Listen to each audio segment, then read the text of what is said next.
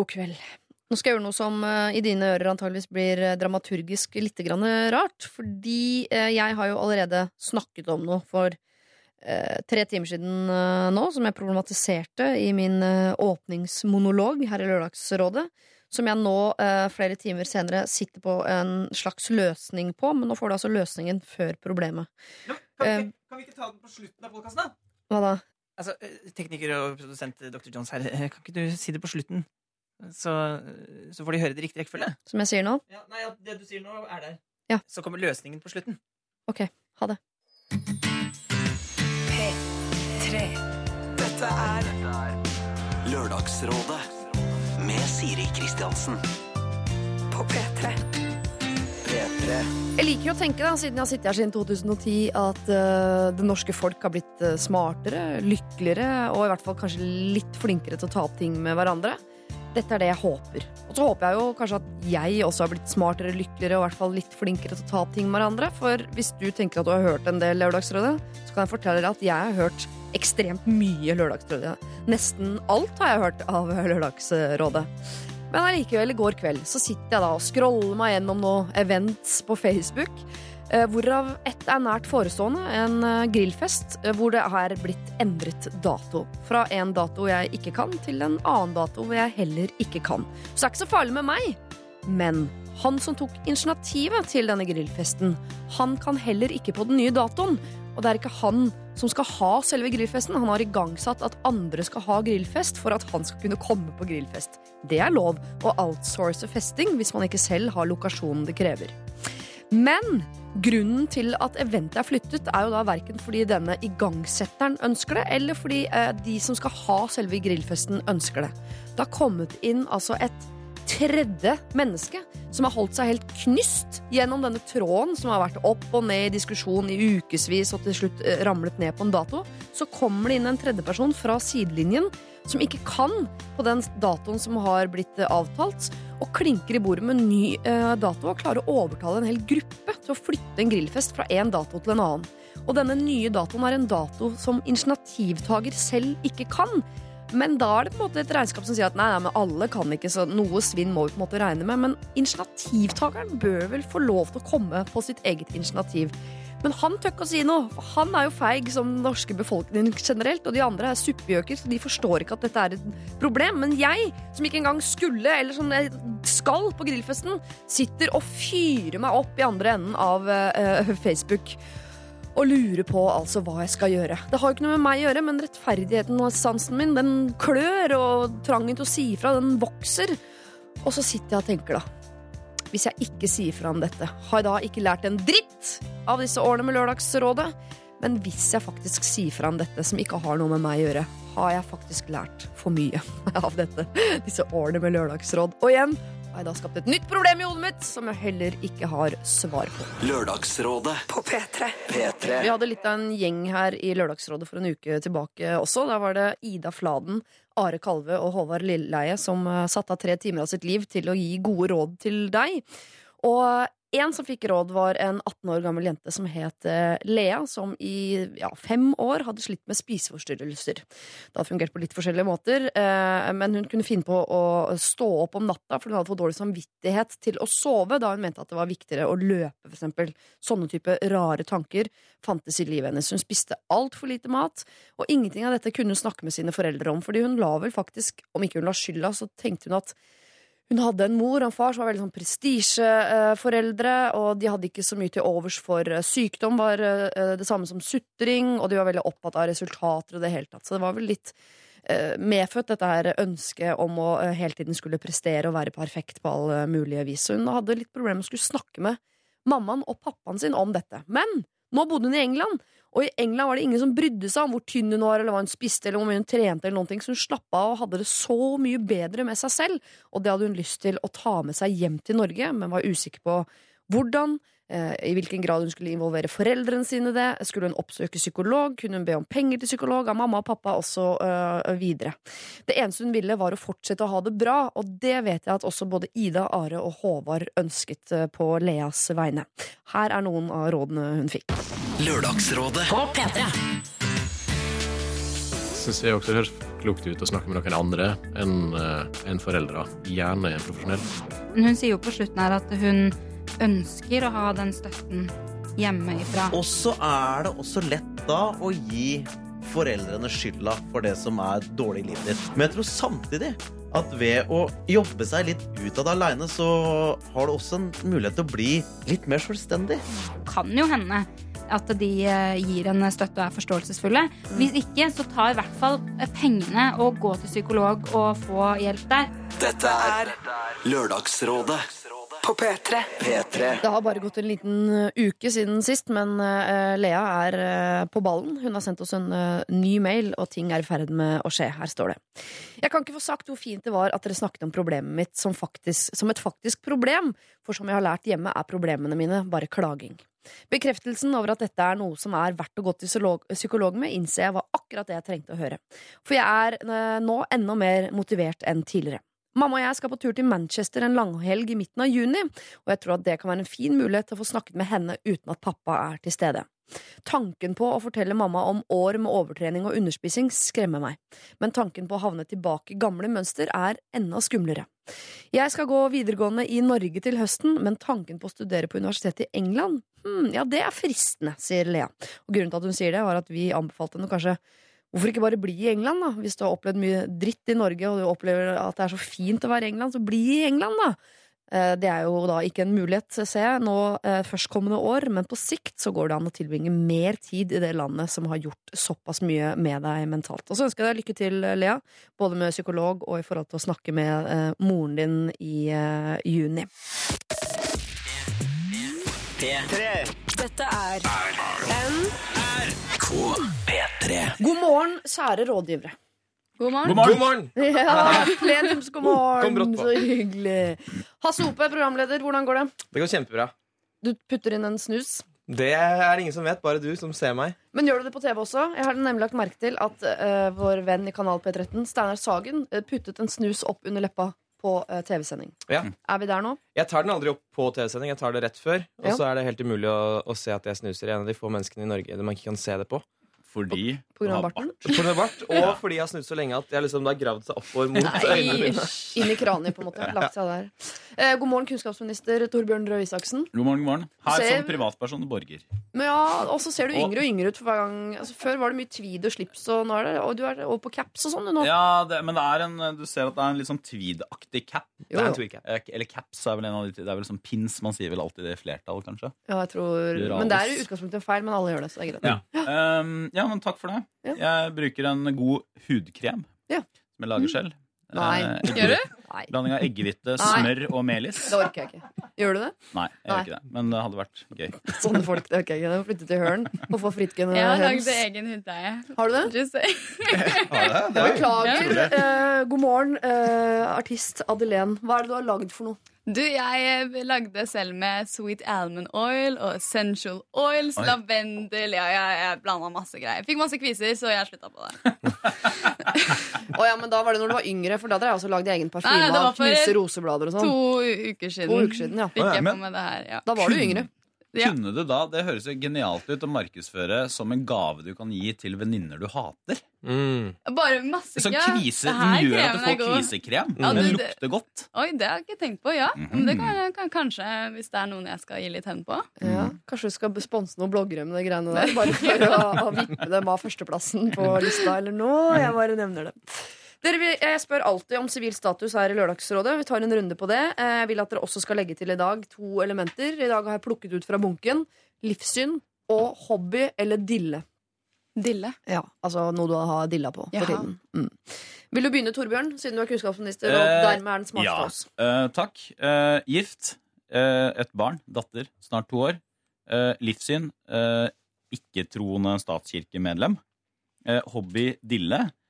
Eh, Er ikke du en kristen fyr? Jeg var sikker på at du var kristen. Nei, jeg bare er en. Nei, jeg er egentlig ikke det. Altså, jeg var det før, eh, Ja. men nå er jeg ikke det. Men jeg er, leser mye Bibelen og sånn, så det er kanskje derfor. Men jeg er veldig opptatt av å være med i statskirken. Ikke, la oss ikke dvele Nei, vi tar det. ikke den. Nei. Hobby eh, dille. Eh, det er å sy ja, sylte. Jeg har blitt glad i å sylte ting. Herregud. Rett og slett. Jeg er en typisk sånn nærmer seg 40 middelklassemann. Bra du sa selv, for jeg skulle til å late som om et element man også måtte svare på, var alder. Men da, Ja. det gjorde du Mm. veldig fint selv. Snart 40, og har begynt med sylting. Begynt med sylting. Men det driver du med når du er hjemme i Telemark, ikke sant? Ikke litt, i helgene. eh, litt både her og der, men det er ikke hver helg. Uh, Man må styre sine syltelyster. Står det i Twitter-bioen din 'sylter'? Syl kunnskapsminister, sylter og levemann. Oi, oi, det der må vi ta en runde på. Mm. Eh, Hvordan er det med deg, Adelén? Sivil status, livssyn og hobby dille? Eh, s- først sivilstatus. Uh, kan, kanskje, kanskje ikke. Er det lov å si det? Hvis ikke det er noen i andre enden her nå som blir veldig lei seg, så du kan si hva du okay. vil. Sivilstatus, kanskje, kanskje ikke. Og så var det Eh, livssyn. livssyn. Eh, jeg liker å tro at det er noe, eh, rett og slett. At, eh, jeg liker å tro at det er noe på andre siden, da. Da er du en agnostiker. Har En jeg lært. agnostiker. Jeg mail om i dag morges at jeg måtte lære meg hva det var. Ja, nå har jeg lært det. så typ en agnostiker. Neste greie var hobby. Dille. Hobby, ja. Hobby. Uh, synge. Er det hobby? Er ikke det med, uh, profesjon? Å, men jeg har jo min hobby som profesjon. Å, du er så heldig. jo, musikk og trening og alt det sjalabaiset. Ja. Og så lager du også litt hudkrem på si, gjør du ikke det? Du, det? er en stor hobby. Si ifra hvis dere vil ha noe. Liksom. Absolutt. Skulle gjerne hatt noen kviser, jeg. Hvordan er det med deg, Hasse? Du, jeg er faktisk uh, i et forhold. Mm. Spennende. Det vet ikke jeg noe om. Eh, jo, fordi jeg annonserte jo at jeg var sammen med henne første gang offentlig hos deg. Det er sant. For to år siden. Det, må du, det håper jeg ikke du har glemt. Nei. Nei, det var ikke det. nei, Bra, nei. bra. Eh, Trossamfunn, holdt jeg på å si. Eh, katolikk. Det stemmer, det. Du er Ja. født katolikk. Født, eh, oppvokst katolikk. Er du Eh, praktiserende katolikk? jeg vil ikke såre mine foreldre, så jeg sier bare kanskje, kanskje ikke. Kjører en sånn. Ja, ja, ja. Um, og hobby For de sitter i bil og hører på, ikke sant? Ja. Nei. De Ja, det sitter, var de, de, foreldrene kjører, det, Torbjørn. Ja, det kan hende det. ja, Men, mine, eh, mine kjører rundt NRK-huset og hører på radio. Mm, med et kors på taket. Ja. jeg skjønner. Hobby dille. Eh, det er eh, Uncharted 1, eh, Uncharted 2, Uncharted 3 og Uncharted 4 på PlayStation 4. Ja. Så Ja, som du spiller alene, eller mot andre som du ikke kjenner, men om dere er venner med i en virtuell verden. jeg har spilt med folk i Singapore, eh, Hongkong, Kuala Lumpur. Hovedsakelig Øst-Asia. Ja, du foretrekker det? Jeg foretrekker det. Ja.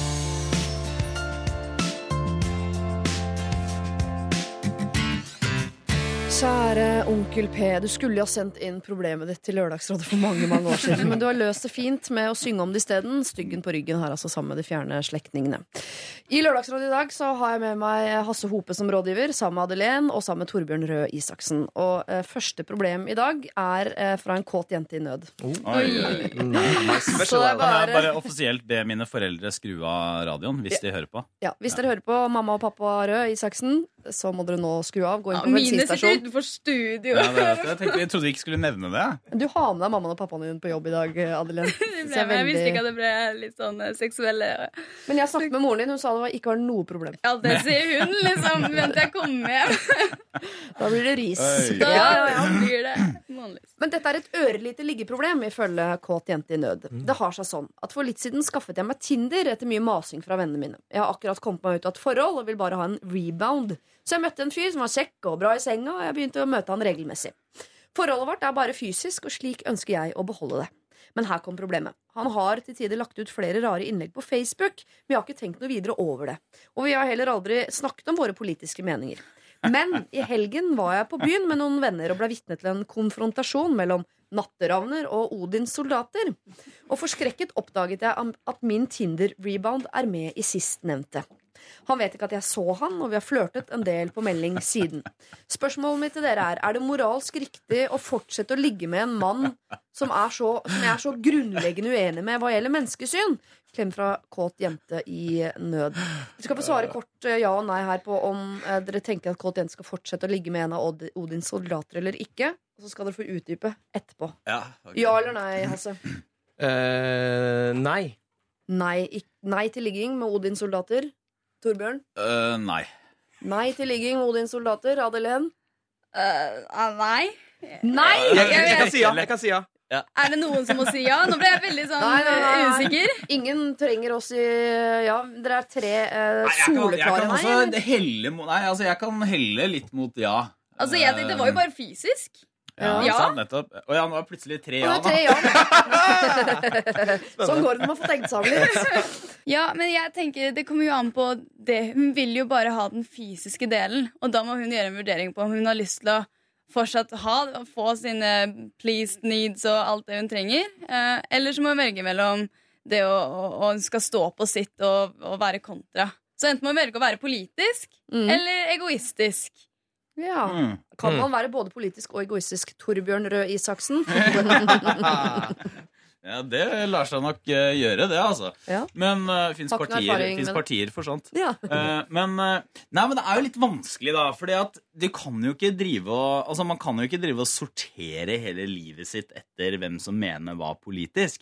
Altså, det er jo ikke noe sånn hvis man er eh, i Høyre, da, og så plutselig eh, havner man eh, i senga med den som er SV-er, Mm. så kan man jo ikke drive og Ja, det blir jo veldig rart. Man blir jo veldig sneversynt da. Så spørsmålet her er jo litt om Odins soldater er jo litt over the top.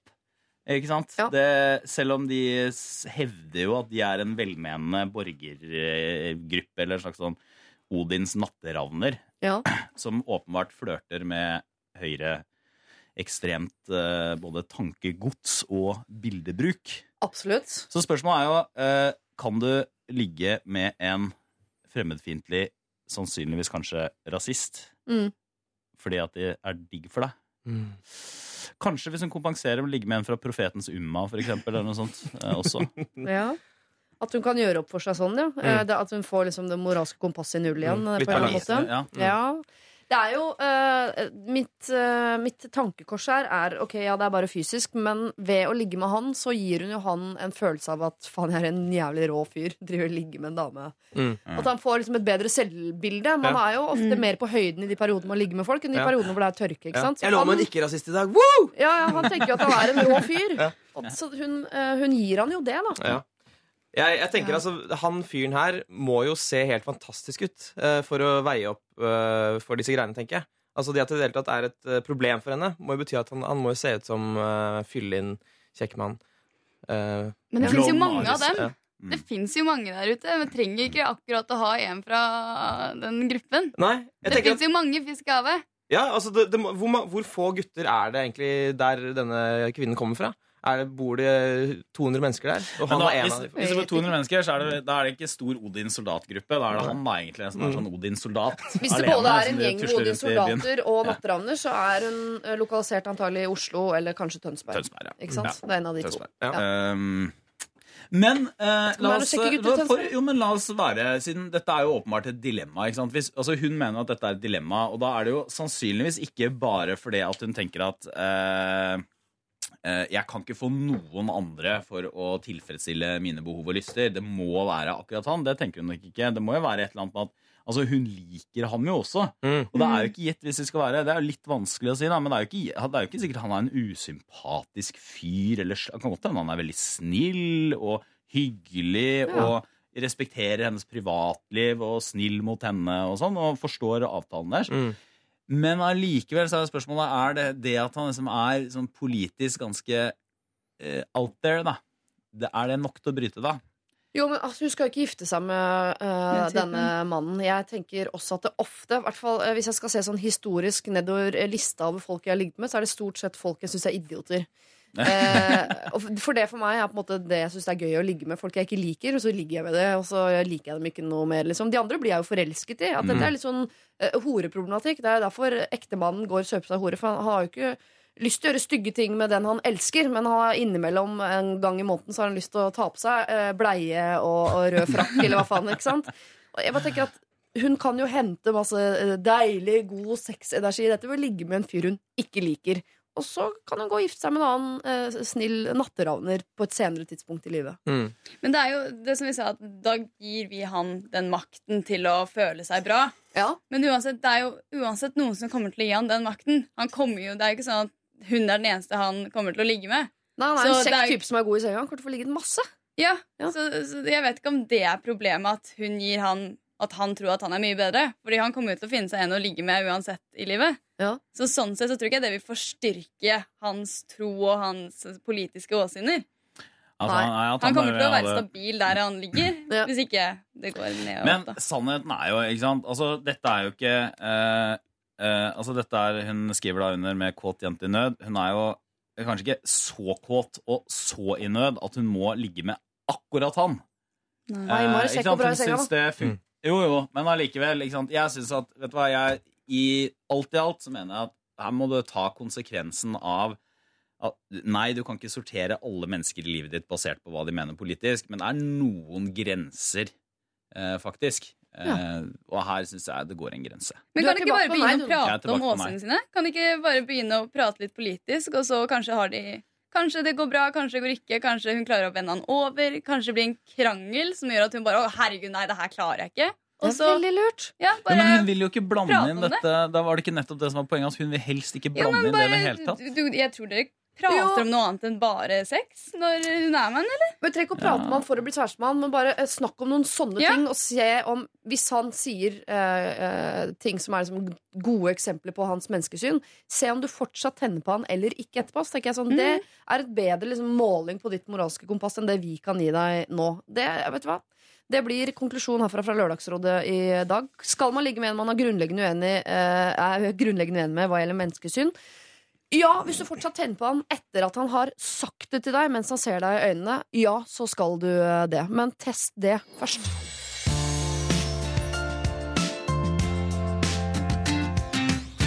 Vi skal til en 18 år gammel jente som heter Ulrikke. Her er det tre navn i dette problemet, så kan det være greit å notere seg at Ulrikke er innsender.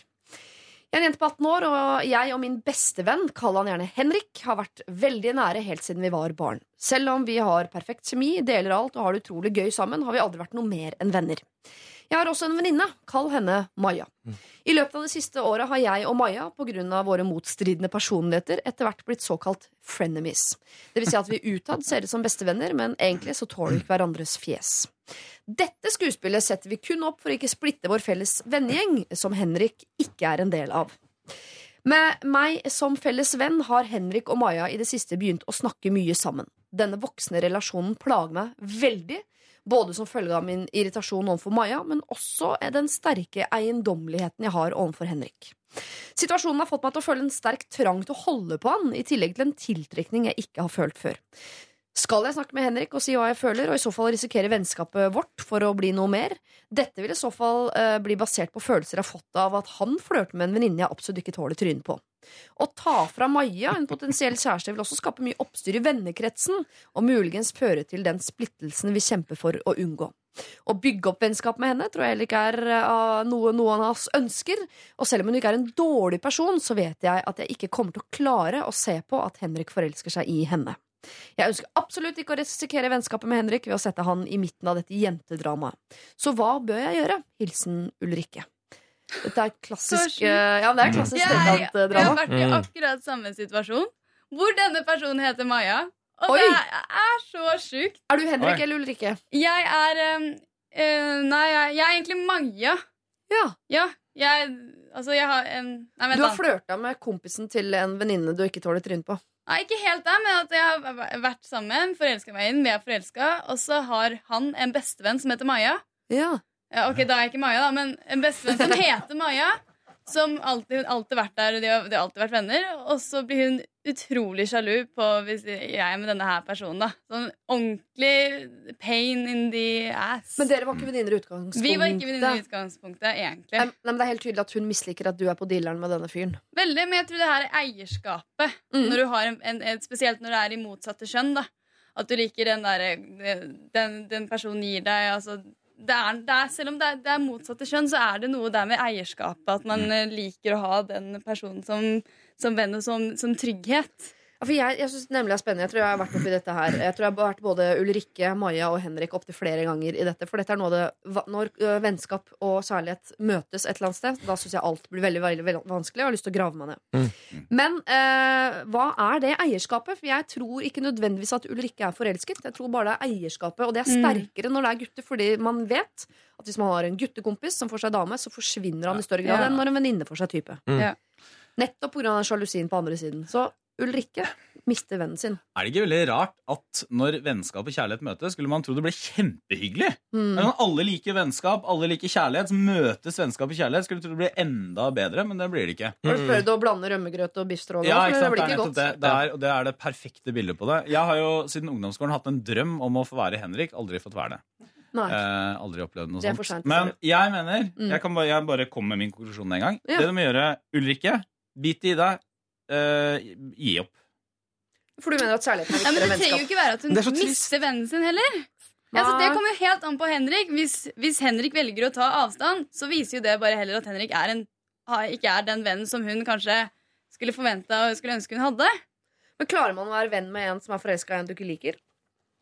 Nei, det kan jo bli litt vanskelig, da, men eh, det er allikevel Du kan jo ikke Altså, poenget er at hun Det hun egentlig spør oss om, Ja. det er Skal jeg manipulere min venn Henrik Nei. eh, for å få ham til å ikke bli forelsket i min frenemy Maja?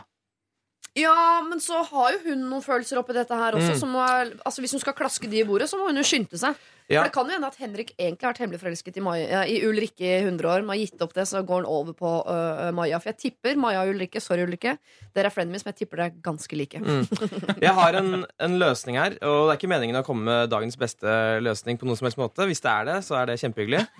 Eh, altså Det Ulrikke må gjøre, er å finne en megalicious babe. Eh, gjerne utenfor vennekretsen. Få henne inn. Si, kanskje si du, eh, kan du, du må eh, hoppe på, på Henrik, og gjøre, han blir ikke forelska i deg. Men når han blir det, så, eh, så slutter du. Så får du kanskje 2000-3000 kroner av meg. Um, Nei. jo, og så slutter han å bry seg om Maja. Eh, begynner å, å bry seg om denne megalicious babe. Mhm. Eh, de holder på en stund, og så, når det blir ferdig, så hopper uh, Ulrikke inn igjen. Plutselig får de følelser for hverandre, og så er det de to, og så står jeg Ulrikke der alene. Du har ikke møtt en megalicious babe. Hun er kjip, ass. Men hvorfor skal han bli interessert i hun da? Bare Fordi hun er megalicious babe? Fordi hun er god skuespiller. Dette er en skuespiller fra Ah, og så- Bordar. Men skal hun gi han kjærlighetssorg? Er det en del av planen? Det Men da messer hun jo med følelsene hans. Er det så kult? Men da? da kan jo Ulrikke etterpå sende inn eh, til Lørdagsrådet Hei, jeg er en fullblods psykopat som betaler folk penger for å ødelegge forholdet for min gode venn Henrik, som jeg har hatt siden barndommen. Mm. Det, er en veldig, det er en veldig god løsning i hermetegn eh, for en fullblått psykopat, sosiopat. Jeg er ikke helt sikker på distinksjonen der. Nei. Men det er jo nettopp dette som gjør at Ulrikke bare må gi opp.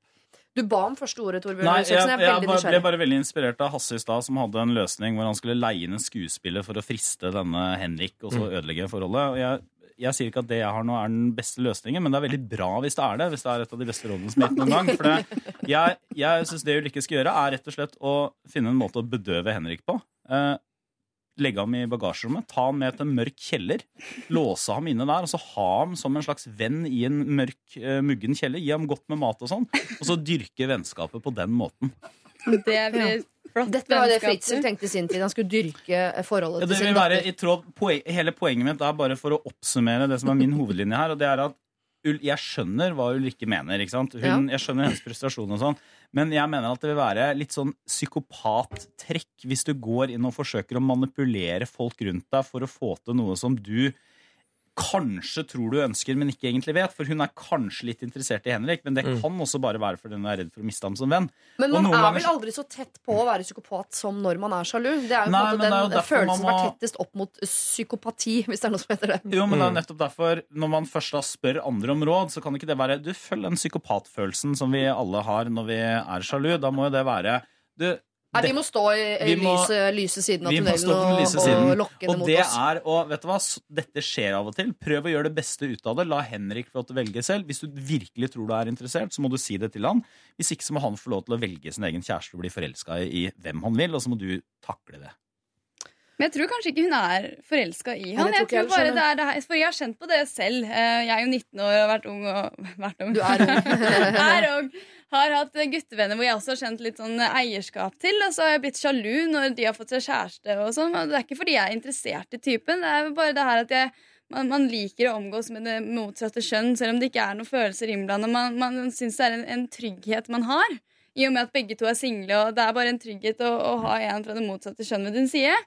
Eh, men så, som jeg har måttet lært, eh, det er en sånn situasjon hvor man faktisk bare Sånn er livet. Du, jeg tror ikke du skal prøve å manipulere noen person på noe som helst vis. Jeg tror det beste er å faktisk eh, Kanskje du kan prate med Henrik da, og si er det noe seriøst mellom dere to. Altså, Være ærlig, sånn at han vet det. Men jeg tror ikke det kommer til å endre hans mening på om han er forelsket eller ikke. Så det her er bare en sånn situasjon jeg ville bare, bare latt det gå, se hvordan det går. eh, og, og forsøkt å gjøre det beste ut av det, rett og slett. Så du er ikke for å grave ned en kjeller eller leie en Megalicious babe for en 3000-4000 kroner? Fristende, men nei. Mm, Fornuftens røst, altså, i galskapens verden. Ja. Bare nevner det. Jeg kan, jo prøve, prøve å være mod moderasjonens stemme her i dag også. Eh, for jeg tenker at den situasjonen de er i nå, er jo, det er jo som en slags eh, radioaktiv eh, kreft for vennskapet til Henrik. da, Mellom Ulrikke og Henrik. Mm. Så det må forandres på. Ellers så vil jo det, det vennskapet dø uansett. Og da, kan, da må du ikke si noe til Maja, for de er frenemies. Og da kan det hende at Maja tar det og bare blir enda mer gira på Henrik og virkelig går inn for å ta han. Ikke snakk med. Maja. Nei. Snakk med Henrik. Si det som det er. Vi er du og jeg, vi er bros. Uh, get over that hoe. Mm. Hvis jeg skal si noe eh, basert på uh, mine erfaringer, så er det jo, selv om jeg mener at kjærlighet er viktigere enn vennskap uh, bestandig, så er det én ting vennskap har som ikke kjærligheten nødvendigvis har. Det er at de- den kan overleve på andre siden i større grad enn det kjærligheten Mm. gjør. Så jeg tror at uh, det beste du, Ulrikke, kan gjøre, er å være så god venn for Henrik som overhodet mulig. For det er det du er for Henrik i utgangspunktet. Det med Maja kan bli den store kjærligheten, i så fall så må du unna han det. Men det kan også bare være en forbipasserende fase. Men hvis du har vært rasshøl i den fasen, så står det en som taper Mm. på andre siden. Hvis du har vært en god venn i den fasen, så kommer han tilbake til deg som venn. Det er på en måte Det er litt Hver personen han går til for å prate om sitt forhold, altså problemer, vær, vær vennen hans hvis det er det du ønsker. Så hver person hvor han faktisk kan venne seg til å si 'å nei, hva skjedde, vi har skjedd, vi har krangla'.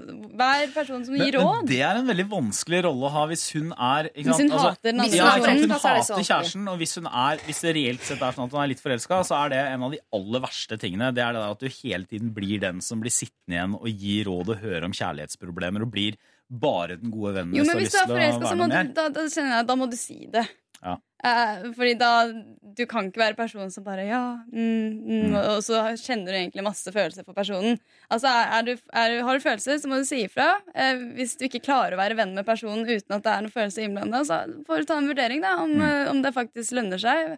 Fordi hvis det gjør deg ulykkelig Sjalusi gjør en person ulykkelig. Det er noe jeg har lært, og det må man bare slutte med. Og så kan du endelig begynne å tenke på ditt indre jeg og hva du vil selv. Du blir ulykkelig, Ja. men får veldig mye energi av sjalusi, da.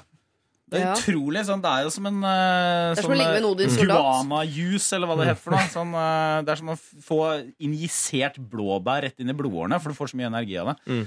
Og du Det er lenger. slitsomt, da. Det er slitsomt, og du blir ulykkelig av det.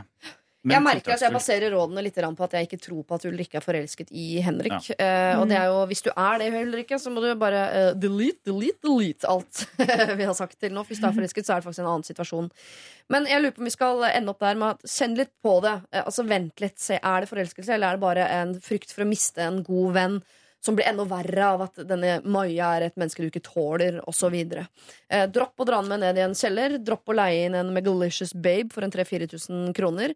Bare gjør det du allerede gjør. Vær en veldig veldig god venn for Henrik. Eh, og så har du litt is i magen før du agerer på noe som helst.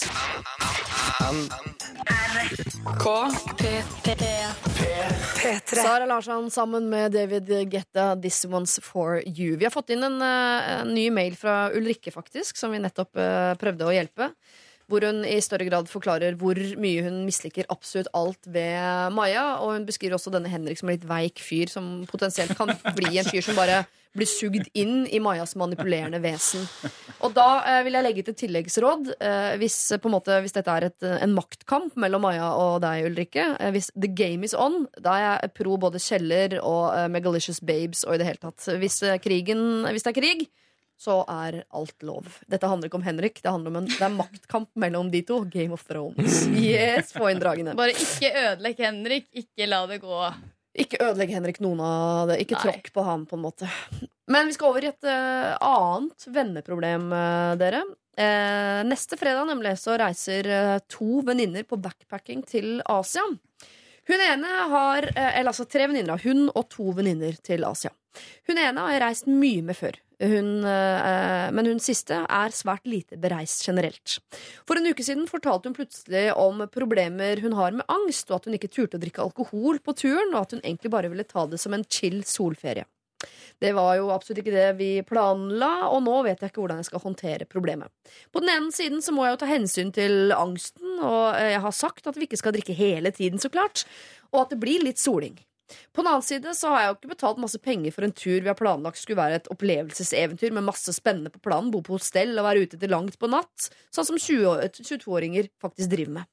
Hun har også sagt at hun vil bo på fine hoteller og leve i luksus, men det har ikke jeg råd til. Og hele moroa med backpacking er jo å bo på rom med fremmede du kan bli kjent med. Hvordan skal jeg takle denne situasjonen? Kjære Lørdagsrådet, hjelp. Lørdagsrådet i dag er eh, Adelén, Hasse Hope og Torbjørn Røe, Isaksen. Nok et trekantdrama, men her er eh, to Har de bestilt reisende? Ja, de skal. Ja, de er- Alle skal. de Hvorfor prater vi ikke om det her før Fordi folk, problemet oppsto? folk prater ikke sammen. Dårlig kommunikasjon. kommunikasjon. Ja. Hvorfor sjekketrykket kvinneguiden.no? Vi snakket om det i stad. Ja. Der finner man svar på alt mellom himmel og jord. Eh, råd før backpacking. Snakk om hvordan turen skal være først. Mm. Ja, det er det ingen som gjør. Ja. Det, er for, det er uansett for seint. Det er for seint. Vi får finne en løsning. Ja. Uh, jente, kvinne 22. Turen din er ødelagt. Dette kommer til å bli et skikkelig dårlig minne. Bare krangling. Kjipt. Nei, nei, her skal vi komme på en fin løsning. Nå skal vi hjelpe denne personen. I utgangspunkt, hvis ikke noe gjøres, så tror jeg på uh, framtidsvisjonen til uh, Torbjørn Røe Isaksen her. Hvis ikke noe gjøres, Mm. Eh, så blir det en skikkelig, skikkelig kjip tur. På, Mm. på hverandre. De går til å Liksom. hate hverandre på flyturen. Ja. Liksom. Ja, ja. Men her, her er det altså uh, to som vil feste og ha det moro og være 22-åringer, Ja. og en som uh, vil være 65 og bo på Royal Mandolin Hotel og liksom bade og få frokost på senga. Mm. Uh, vi lever i noe som heter et demokrati. Dette vet du alt om, Brød Is- Isaksen. Brød Isaksen, sa du Brød, det? nei, jeg, nei, jeg sa det ikke. Uh, vi får høre etterpå. Um, så jeg tenker, du, du må faktisk bare føye deg, og så må dere to andre ikke tenke så mye på hun siste. Hun kommer til å etter hvert bli fristet av all, de, all den moroa dere har, og bli med på bøtteballetten. Tror du det? Jeg uh, tror Det det. fins to ulike personer. De som faktisk gjør det, og de som uh, ikke gjør det. Mm. Skjønner du hva jeg mener? Så Mm. det kan slå begge veier. Men hva, jeg Hva i forhold til at hun blir med på moroa Ja, etter men plutselig så blir man altså, Kanskje hun er i en kjip periode nå da og bare ikke orker så mye, og så kommer hun der så bare Å, herregud, nå får hun får lyst til å gjøre ting. Eller så er hun fortsatt en kjipe person når hun kommer dit og syns ting er ork og sånn, så man må jo ta utgangspunkt i, i begge situasjoner. Enten går det bra, men jeg tror heller problemet er hvis det går dårlig, som hun kanskje vil ha Mm. svar på. For går det bra, så trenger hun ikke spørre om hjelp. Men du eh, sa jo innledningsvis Adeline, at dette er jo, eh, grunnen til at dette er et problem, er fordi de i utgangspunktet har hatt dårlig kommunikasjon på hva Ja. denne turen skal være. Eh, og det er for seint å snakke om dette i forkant. Men hvis man noen gang skal foreslå god kommunikasjon inn i et problem, så tenker jeg at her må det snakkes. Mm. Fordi her er det tre jenter som skal på to forskjellige turer. Ja. Det, går, det Men- går ikke. Kan jeg komme med en praktisk eh, La oss ha en praktisk innfallsvinkel, da. Eh, Problemet vil jo eh, Altså, sol og, litt, uh, sol og øl og fest, det lar seg jo kombinere. ikke sant? På Ja. dagtid så er det litt på stranda, og sånn, og så kan du splitte det opp litt. Og så kan du spise middag sammen, og så kan noen drikke øl, og så kan hun dra tilbake på hotellet sitt, eller hvor hun vil bo. Men så kommer det da det andre, det er jo at de fleste av disse hostellene de har jo både sånne sovesaler som er kjempebillige, Mm. og så har de også mulighet til å leie egne rom. Som er litt dyrere, men fortsatt ganske billig. Så kanskje en sånn praktisk løsning kan være at hun ikke bor på hotell Mandarin eller mm. Royal uh, Mandalay Singa- Bay Hotel. Mandalay Bay Hotellet. Mm. Eh, Selv om det høres helt fantastisk ut. Jeg har Det skal jeg booke etterpå. Er. Eh, Men at hun booker sånn enerom eh, på hostellet isteden. For da bor de i hvert fall samme sted, og så har jo hun tydeligvis råd da, til å bo sånne steder. Men da må dette kommuniseres på forhånd. Ja. Fordi Hvis hun tror at vi er tre stykker som skal sammen 24 timer i døgnet, Wii, Mm. dette blir så koselig, og vi skal slappe av, og alt det der Og så kommer du dit, og så er det ikke tre på tur, det er to pluss én. Ja. Å være pluss én i noe du trodde var et trespann, er forferdelig. Hun kommer til å ha det så vondt hele den turen. Ja. Og hun er i utgangspunktet på et sted i livet som ikke er bra. Så hvis hun skal ned dit og bo alene på hotell mens de andre fester, og sånn men hun kan få være sammen med de litt på dagen og spise litt mat med de og sånn Den beskjeden ville jeg hatt før jeg dro, så jeg hadde hatt mulighet til å si sånn Vet du hva, da blir jeg faktisk hjemme. Hvordan kan ja. Unnskyld, Nei, nei, nei. herr Hope. Mm. Nei, vær så god. Oh, ok. Uh, nei, bare si, Hvor gode venner er de hvis ikke de visste dette om denne venninnen? Hun må jo være litt sånn her hjemme i Norge også. At det er greit, Dere kan dra på revolver til klokka tre på natten. Jeg kommer til å sitte hjemme og lese Dag Solstad. Altså, Det er noe man vet, er det ikke det? Men kan Jo, det burde en, ha ringt noen varsellamper på forhånd. Det kan er jeg ta en, noe som kan gjøre dette enda vanskeligere for uh, jenta som har, kvinnen som har skrevet inn? Og det Maren. er at, ja, Maren. Og det er at hun sier jo at dette egentlig er venninna til venninna. Har hun sagt det? Ja, Er det ikke det som kommer ganske klart frem? Aldri lest eller hørt. Nei, var det ikke For at uh... Jeg og to venninner reiser neste fredag. Ja. Og så, men man kjenner, det må jo, Noen må jo kjenne denne tredje personen. Jeg tror Maren kjenner henne best, for det er Maren hun har gått til for å fortelle om angsten. Ah, ja, ok, Så det er Maren som kjenner henne best? da Jeg tror det. Ok, Kanskje hun har begynt å få angst nå, da, at det er noe som har kommet i den siste tiden. ja, hvis, hun har, hvis hun har ordentlig angstproblemer, eh, altså sånn ordentlig angst, så er det jo kanskje litt eh, skummelt å reise på en så lang reise uansett. Er det litt trendy å ha angst nå, eller bare fordi man uh, syns noe er litt ukomfortabelt, så har jo folk Ja, angst. men Det er jo det som er spørsmålet. Er hun, Syns hun det er litt ukomfortabel og blir det får hun litt nerver av å ta en øl for mye? Eller har hun angst? Altså, Ja, ja. Angst er en psyki, altså, det er en di diagnose. Er hun engstelig, eller har, behandling har hun angst? Ja. Mm. Ja, det er greit å finne ut av. Men uansett så tror jeg at uh, før vi liksom bringer inn helsevesenet og i det hele tatt, så må vi få disse tre jentene til å bli enige om hvilken tur de skal på. Hvis det ikke lar seg forene, disse turene, så må noen få lov til å få muligheten til å bli Ja. hjemme. De må prate sammen, rett og slett. Og Ja. jeg, tror, jeg tror de må ikke gå to mot én. Fordi da kommer hun til å gå i forsvar Mm. og ikke kommer til å se deres eh, point of view. Jeg tror bare at de må prate rolig og bare ok, det her er sånn vi har sett på reisen. Vi forstår hva du vil også.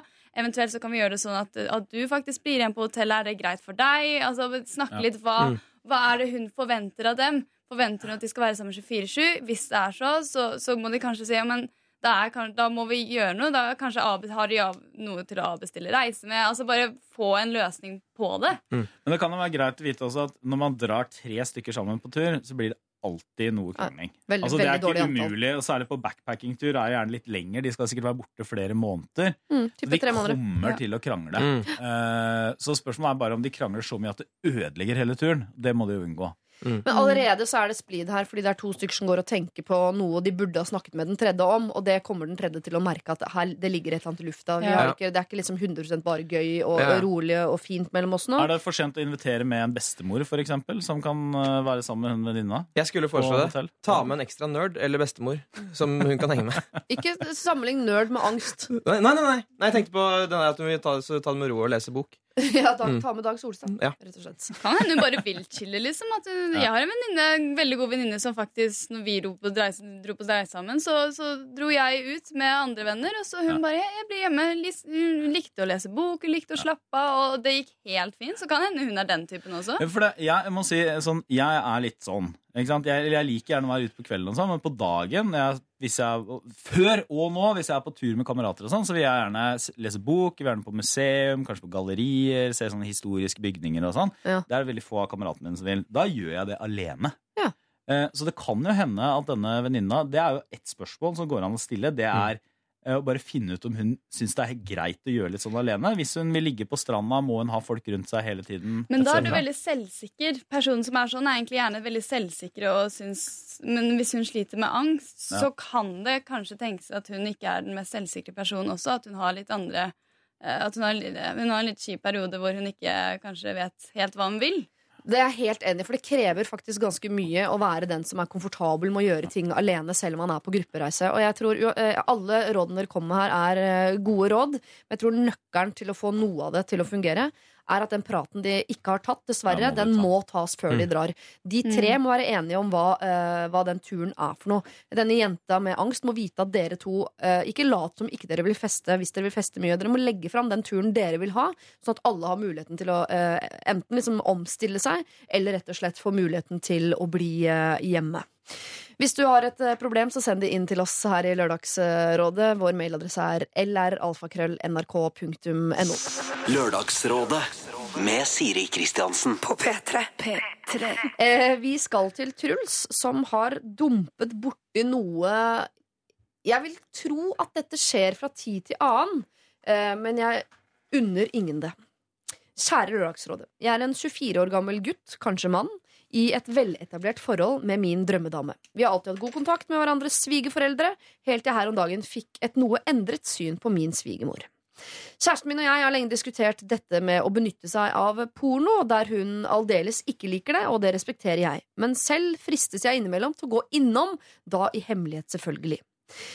I går da jeg surfet på porno, lette jeg etter norske filmer, og på et stusslig og gammelt forum fant jeg noen filmer med dårlig kvalitet. I filmen jeg valgte å klikke meg inn på, oppdaga jeg plutselig at denne kvinnen dynket i sminke foran meg var min egen svigermor.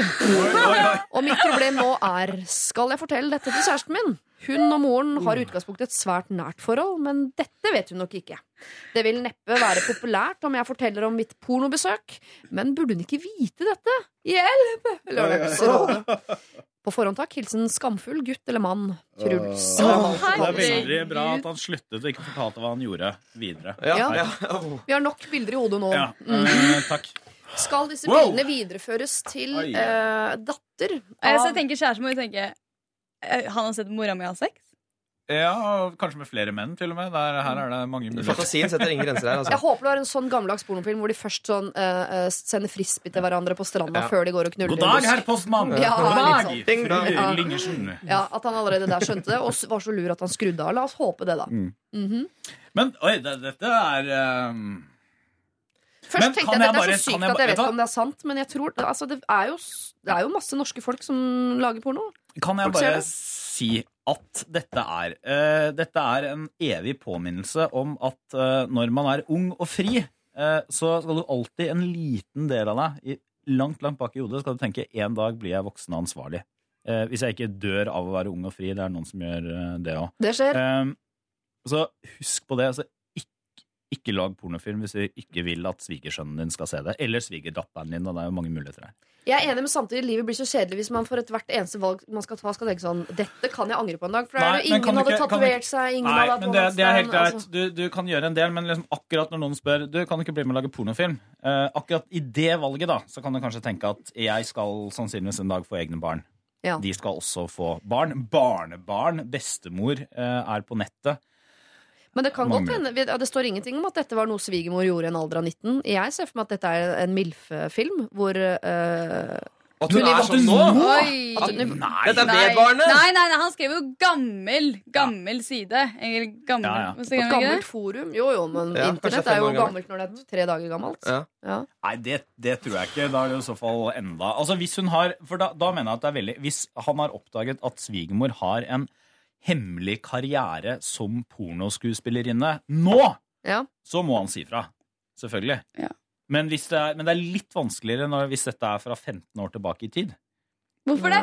Kan man ikke bare, altså Jeg hadde dødd av latter. Kan man ikke bare gjøre det komisk? Kan, må det være sånn her Å, herregud. Ville du dødd av latter hvis noen i Nå sitter foreldrene nå- og ser på så jeg skal ikke å utbrodere poenget mitt, men uh...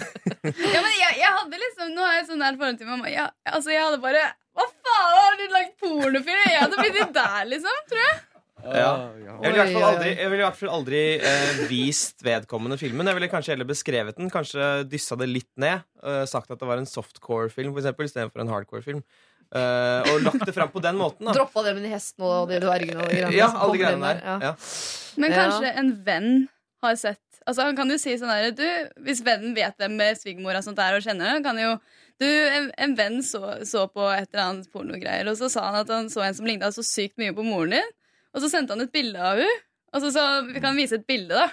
Og det er ikke det her mora di, eller mora di, jeg vet ikke om det er litt hardt å gå frem med.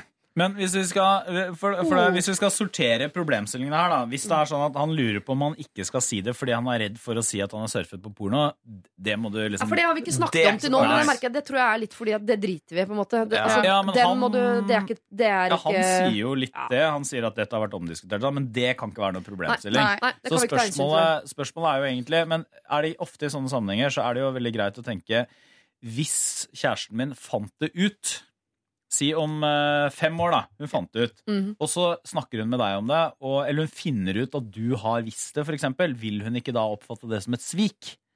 Det er jo det. altså Det vil jo være et svik hvis du har vet noe så viktig, eventuelt morsomt, da, eh, mener, eh, om svigermoren din eller mora til kjæresten din, og ikke har fortalt det. Og det kan, kan godt hende at hun vet det allerede og syns det er helt ok. Helt At det er derfor hun har så vanskeligheter med porno, fordi hun vet at moren er pornoskuespiller. Mm. Men da kan hun bli sur for at han var inne på porno, Fordi da er ikke det relevant lenger. Det her er For et vepsebol dette er. Mm. Men hva med her må man nesten bare ta en sjanse og så håpe på det beste utfallet. Eh, Men da må vi eh, si til Truls hva han skal gjøre. Da. Jeg tenker, han syns det er ille å ha sett svigermor i pornofilm. Jeg tror det er verre Jeg vil heller, hvis eh, mamma og svigermor Hvis dere hører på, jeg vil heller at svigermor skal drive med porno enn mamma. Sånn er det bare. ja, ja. Her! Hør på det her! Hør på det tipset her. Eh, nå ble jeg gira. Jeg har null forventninger denne gangen. Ok, ja, da blir du blir positivt overrasket. Her kommer det. Eh, si til din kjæreste eh, Hva heter hun? Maybelline? Nei, hva heter hun? Det har du funnet på i ditt eget hode, for det er ikke nevnt. okay. Maybelline. Si til eh, henne, så sier du Du, hvordan ville du reagert? Det var sånn off the top of my head, helt hypotetisk Hvis du hadde vært eh, inne på RedTube og så hadde du sett mora di i en film, og da får du reaksjonen, og hvis den er sånn Ha-ha! Det er lættis, da! Nei, det må være lov. Så kan du si det. Hvis hun sier det ville ødelagt mitt forhold til min mor resten av livet, ta en par runder til. Hva om hun vet det, da? Da har hun bare reagert. Hvor har du vært nå? Eh, jeg tenkte ikke på den utveien der. Så det Men er et du, godt men poeng. du, du Det er kommer derfor jo du, er her, for å tenke den ekstra veien som vi Vi er tre vi har og gått. fire hoder. Men hun lager jo bare et ekstra problem. Altså, eller han, hvis han sier det til kjæresten sin. Så kommer problemstillinga. Skal kjæresten da si det til moren sin? For hun må jo, altså, Da forutsetter at hun ikke vet det. da Da må Maybelline sende inn det. Da må Er hun hun si fra til oppkalt moren sin. etter en leppestiftmaskara. Denne Sånn funker hodet mitt. kjæresten? Ja, nå er hun det, men det er det Hasse som har funnet på. Men broren Maxfaktor, han eh, er ikke involvert her. Oi, oi, Truls. Sorry, det er ikke meningen å le så mye. Vi syns uh, synd på deg, faktisk. Uh, skal han si det eller ikke? Ja, Han må si det. Si det. Ja, herregud, det er må jo si lættis, da! Truls, du må faktisk uh, si det. Så får du håpe at uh, dama di er som Madeleine og syns det er lættis. Dette er er P3. Muse følger opp uh, dette pornoproblemet vi nettopp har vært innom, med sin plug-in baby. Jeg syns det er dårlig timing av Muse, så jeg håper at de tar selvkritikk for akkurat det der.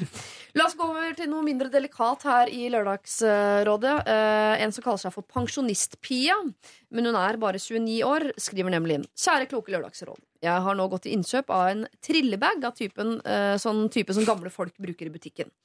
Som jeg da også selvfølgelig skal bruke når jeg handler. Dette er, noe jeg, uh, dette er noe jeg har ønsket meg lenge, og jeg gleder meg mildt sagt til å ta den i bruk. Nå kan jeg endelig kjøpe litervis av brus og øl og vannmeloner så det holder, og på toppen av det hele spare både rygg, nakke og miljø. Skår i gleden er at jeg er usikker på om jeg kan bruke bagen istedenfor handlevogn i selve butikken, da det fort blir klønete å håndtere begge deler. Hvis jeg går for dette, som jo er det logiske, er jeg redd at folk, og ikke minst de ansatte, skal tro at jeg stjeler, siden jeg da faktisk vil legge varene rett i en lukket bag. Hva tror dere? Blir jeg tyv i tillegg til pensjonist, eller skjønner folk såpass? Jeg vet ikke hvordan de gamle gjør det på forhånd, takk. Pia pensjonist 29. Vi har lagt ut et bilde på Facebook av den trillebagen. Ja. Sort med prikker. det Det jo Det var fint. Det er jo Dritfett. Er ikke. Gratulerer. Jeg også observerte på eh. Instagram i går at Jannicke av? har tilsvarende. Så dette er noe Ja. folk driver med. Jeg vet ikke, Kanskje om det er en sånn modell Men med en det- liten stol på. Det er interessant at dilemma, eller problemet knytter seg til om hun vil bli oppfattet som en tyv, ikke til om hun skal bruke trillebag i butikken Nei, som men- Det reagerer 29 jeg også på. gammel kvinne. Ja, men Det valget har hun tatt. Hun er komfortabel med det. Hun har ønsket seg det lenge. Nå er hun endelig, og hun gleder seg til å bruke den. Men hun syns jo det er stress. Altså, I så fall må hun la den der vesken ligge utenfor, for, og så gå inn med en butikk. Hun kan ikke gå med to hender fulle av eh, ting hun driver og triller. Så det er jo der det ligger at det er komplisert å legge den fra seg. Så må hun hente en ny kur. Du, du, du, du. Ja, det blir masete. Mm. Men jeg tror, eh, jeg, jeg tror jeg vet løsningen på dette. Men det, det, vi, litt av poenget med dette programmet er vel at vi skal snakke litt om det. Du vil ikke si fasit med en gang? Ja, men Det er ofte dere sitter og tror at dere har en løsning som viser seg å falle helt i fisk. Som f.eks. ja. Adelén klinker til med sine Ja, det, det er godt. Den har jo undergravet flere gode løsninger før. Men dette er Altså, jeg går eh, Jeg er hater plastikkposer. Ja. Eh, synes det er så mye plastikkposer overalt. Og det er egentlig ikke sånn miljøet. Det er bare en bonus hvis det er bra for miljøet å bruke mindre plastikk, færre plastikkposer. Så jeg pleier å ha med sånn handlenett. Det som du får overalt. Ja. når jeg går med handlenett i butikken, så putter jeg ofte varene rett oppi det handlenettet. Ja. Og jeg har aldri blitt stoppet til nå, for jeg gjør det veldig overtydelig. Og det er nesten så jeg tar ut melka, og så viser den til Jeg bare butikken. putter denne nedi, sier du sånn? Og så tar den nedi. Så jeg virker jo selvfølgelig som en senil uh, mann. Ja. en Gammel mann, men jeg tror det er uproblematisk. Men de vil kanskje se at du har tatt inn alle varene. Fordi en sånn, en sånn eh, væske er jo veldig dyp og mørk. Altså, Ja, det, så jeg, jeg ville jo egentlig bare latt den væsken stå når jeg kommer inn i butikken. Gå inn, ta trillebagen rundt omkring. Du må uansett ta opp varene fra det du legger de oppi. Og så bare Skjønner du? Ja, men da må Men du vil ikke ha pakka i plast og så frakta plasten bort i trillebagen, for da forsvinner miljøperspektivet Men du trenger jo ikke plasten. Du kan jo bare legge den ved, ved kassa, da. Ikke sant? Og så går du inn, og så Mm. kjøper du varene dine, og så legger du den inn i, i veska. Hvor lenge tror du en så fet trillebag vil uh, få stå i fred er når andre pensjonister går forbi? og ser den? seg en lås på den. dritkul. Lås? Ja. Nå virker det som dere syns at trillebag er helt innafor. Ja, Jeg Jeg det. for en uke siden. Du kjøpte deg trillebag for en uke siden? Nei, Min venn hadde en trillebag, og vi tok trillebagen ned til butikken. Ja. Det var Kjempedigg. Jeg tror det er, jeg tror det er eh, på vei inn ja, Jeg for fullt blant eh, unge folk. Trillebag. Jeg tror det kommer til å komme med sparkesykkel bak. Det håper jeg i hvert fall. Altså jeg, jeg tenker litt at Noe av grunnen til at uh, pensjonister og veldig gamle mennesker kan eh, bruke trillebag i butikken og komme unna med det, er jo fordi de på en måte, det, er, det er gamle mennesker. De er litt uh, stakkarslige på en eller annen måte. De kommer ikke til å gjøre noe gærent. Så det hun må gjøre, er å gjøre seg selv enda mer uh, stakkarslig. Eh, Ja. Ved å på en måte bare gi, Jeg vet ikke. Altså Lut holdning og Lut fett hår, holdning, liksom? bare eller? at du ser litt mer sånn ikke ut som en, en som kan løpe unna med varene. Ok, Men en 29-åring som ser ut som en sånn sliten pensjonist, ser jo veldig tyvaktig ut, spør du meg. Da Da ville jeg tenkt i større grad at du Ja, var en tyv. Ja, ok, men Lut holdning og en veldig flott uh, dress eller et eller annet sånt. Altså, du ser at du, du har Hver gang du skal på butikken for å kjøpe noe, så må Ja. du se ut som en gamlis, liksom. Ja, jeg har råd til å kjøpe disse varene. Jeg er ikke en tyv. En uh, 29 år gammel kvinne som kler seg som en gammel mann, uh, vil jo også vekke en viss uh, Oppsikt. oppsikt. Ja. Mm. Er det det hun er på jakt etter? Nei, det var, nei altså, men du blir ikke Hør nå her. Altså, ha lokket åpent på denne trillebagen, Ja. og så putter du ting veldig tydelig og demonstrativt oppi. Mm. Eh, sånn er det. Jeg ville bare synes, jeg legger til et element her Fordi jeg, Hvis jeg skulle gått i butikken, hatt trillebag Jeg ville bare synes det vært irriterende å putte varer ned i noe, for så å ta de ut, og så ned igjen. Da syns Ja. jeg faktisk det er lettere å putte det i noe annet, og så over i trillebagen. I Så jeg ville- liksom. Ja, jeg ville satt trillebagen enten ved kassa, eller så ville jeg satt trillebagen eh, slått, Den kan jo slå sammen, den er jo flat når ikke det er noe i den. Satt den oppi, trille, opp oppi vogna, fylt vogna, og så tatt over i trillebagen. Det er også litt stress, da. Ah, Måtte sykt klappe stress. igjen, Mm. og så legge den oppi trillevogna. Ah, Er det stress? Men hvem er det som tar en sånn så trilleveske da når du legger den ved kassa? Si til under kassa, kan du passe på trillebagen min, eller? Så sier hun, ja, ja. Nei, det- men ikke ta den med inn. Lev livet. Yolo, liksom. Ta med trillebagen. Ja. Med tweedcaps. Ja, kjør på! Og hvis de spør, så sier du nei, jeg, jeg bruker det bare som handlekur. Altså, det er ikke noe verre enn å svare på det de spør. Så sier de nei, det er ikke lov. Ok, så går du og henter en handlevogn. Da, hvis det er noen som kommer og sier Apropos, du har ikke spurt om vi er konfliktsky. Hvis noen kommer og sier du, det er ikke lov å bruke trillebag. Er ikke lov å bruke trillebag! Hva er dette? Jeg så ikke at det sto Sovjet på skiltet utenfor denne Rema er 1000-butikken. alltid bra å bruke Ja, eventuelt Nord-Korea. Eh, unnskyld, er du tjeneren til eh, Kim Jong-il eller Sun, eller hva han heter, diktatoren for tiden? Mm. Dau. og da vil du Ja, det er sant. Sønnen hans. Da vil du veldig raskt sette deg i respekt Mm. i butikken, og du vil kunne gå med denne trillevogna di, putte varer oppi uten noe problem. Jeg Det syns også du skal legge til uh, Hallo, det er 2016, vi har vært på månen, altså. De Ja, to også er funker nesten uansett hva man snakker om. Ja, 9-11 was an inside job, kan du Yes, også si. yes, it was. uh, Pensjonist Pia 29, du uh, har herved Lørdagsrådets eh, stempelgodkjenning på at du kan ta med trillebagen inn i butikken. Du kan fylle den med varer, og hvis du blir konfrontert med dette tyvaktige du driver med, ja, så klinker du i bordet med et eller annet som handler om Sovjet eller månen eller noe om 9-11, så er vi sikre på at det ordner seg. Dette er Lørdagsrådet På P3. P3. Vi har jo akkurat snakket om en trillebag, og jeg sa at det lå bilde av denne trillebagen på Facebook. Og, eh, til dere som da gikk inn på Facebook for å se den trillebagen og tenkte eh, ok, men jeg vil gjerne se bilde av disse rådgiverne også, så regner med at du scrolla lenger ned og fant det bildet også. Nydelig bilde, folkens. Ja. Vakre alle sammen. kult, Flott. Du syns selv du ser litt sur ut, Torbjørn. Um, jeg jeg syns ikke selv jeg ser litt sur ut. Jeg er sur og ser sur ut på det bildet. Jeg var ikke sur inni meg, men ansiktet mitt så surt ut. Oh, ja, men du er Det ikke ser ut som jeg en er sur verdens type. minste hode. Det hadde jeg ikke tenkt å kommentere, men det, det er fordi jeg har et veldig stort hode. Men Som er ganske vanlig for korte Og jeg er ved siden av mennesker. deg. Nei, hvem har størst hode av deg og meg? Se, da! Du har stort hode, men det, dette, er jo, dette er en kjent sak. Altså, både, altså, jeg er jo ganske lave eh, menn, på Ja. litt over en 70. eller sånt. Og eh, omtrent på den tiden hvor vi ble født, så var det sånn at man begynte å gi sånn veksthormoner til eh, de som tidligere ville blitt veldig veldig, veldig kortvokste. Ja. Da får vi sånn rar kroppsfasong, gigantiske hoder.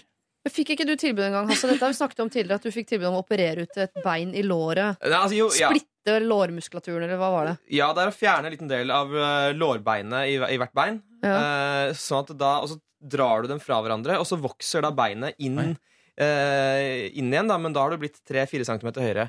Ja. Jeg valgte å ikke gjøre det, Fordi da ville jeg vært krøpling i ett år og hatt Ja. det vondt hver dag. Mm. Kan ikke Men gjøre det. høy resten av livet. Men høy resten av livet. Du er ikke Lårbeinet- høy om 3-4 cm, du, Hasse. Så Du har ikke vært sånn, sånn sett i mål for, hvis det er høy som er målet. Ja, Uansett. Jeg glemte å si en ting. Ja. Dra til helvete. Jo, men Han skjønner sånn du får 15 cm ekstra, ja, men 3, liksom. Det er jo, jeg hadde ikke sett forskjell på om du var 3 cm høyere eller lavere. Lårbeinet henger fast i knebeinet. det. Knebeinet henger fast i Problemer, eller? Er det flere som vil eh, klinke til med noe kunnskap? Det det. Det er, jo sang. Ja, ja. Ja, ok, dere. Vi skal ta et problem. Eh, eh, det er helt korrekt, som Dr. Jones sier, at det er det vi skal. Kjære Lørdagsrådet. I høst flyttet jeg til Oslo med min, merk, single bestevenninne. Vi var begge single, og glede, øh, vi gledet oss til å flytte til denne lille byen vår og nyte studentlivet vårt. Det tok ikke lang tid før venninnen min får seg kjæreste, og den nyforelskede fasen, som er grunnmuren i mitt problem, blir lagt. Det er nemlig umulig å omgås dem alene. Det er viktig å poengtere at denne irritasjonen ikke kommer som følge av sjalusi. eller noe sånt. Jeg nyter livet som singel og trives med å date. Jeg har heller ikke noe mot denne typen her. Han er superhyggelig, og jeg unner dem hverandre. Men problemet er at jeg og min venninne bor i en bitte liten leilighet, og det er ikke mulighet for å trekke seg noe særlig unna, sett bort fra rommet da, eller på badet.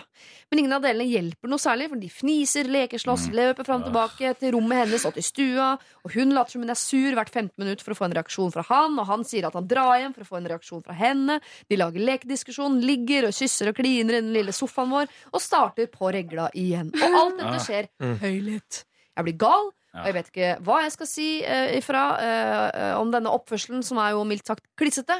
Eh, de er et fjortispar. Skal jeg be dem holde kjeft, eller skal jeg la det bare holde på til det går over? Jeg mener, Plutselig er det jo jeg som ligger og fniser med kjæresten min er nyforelska.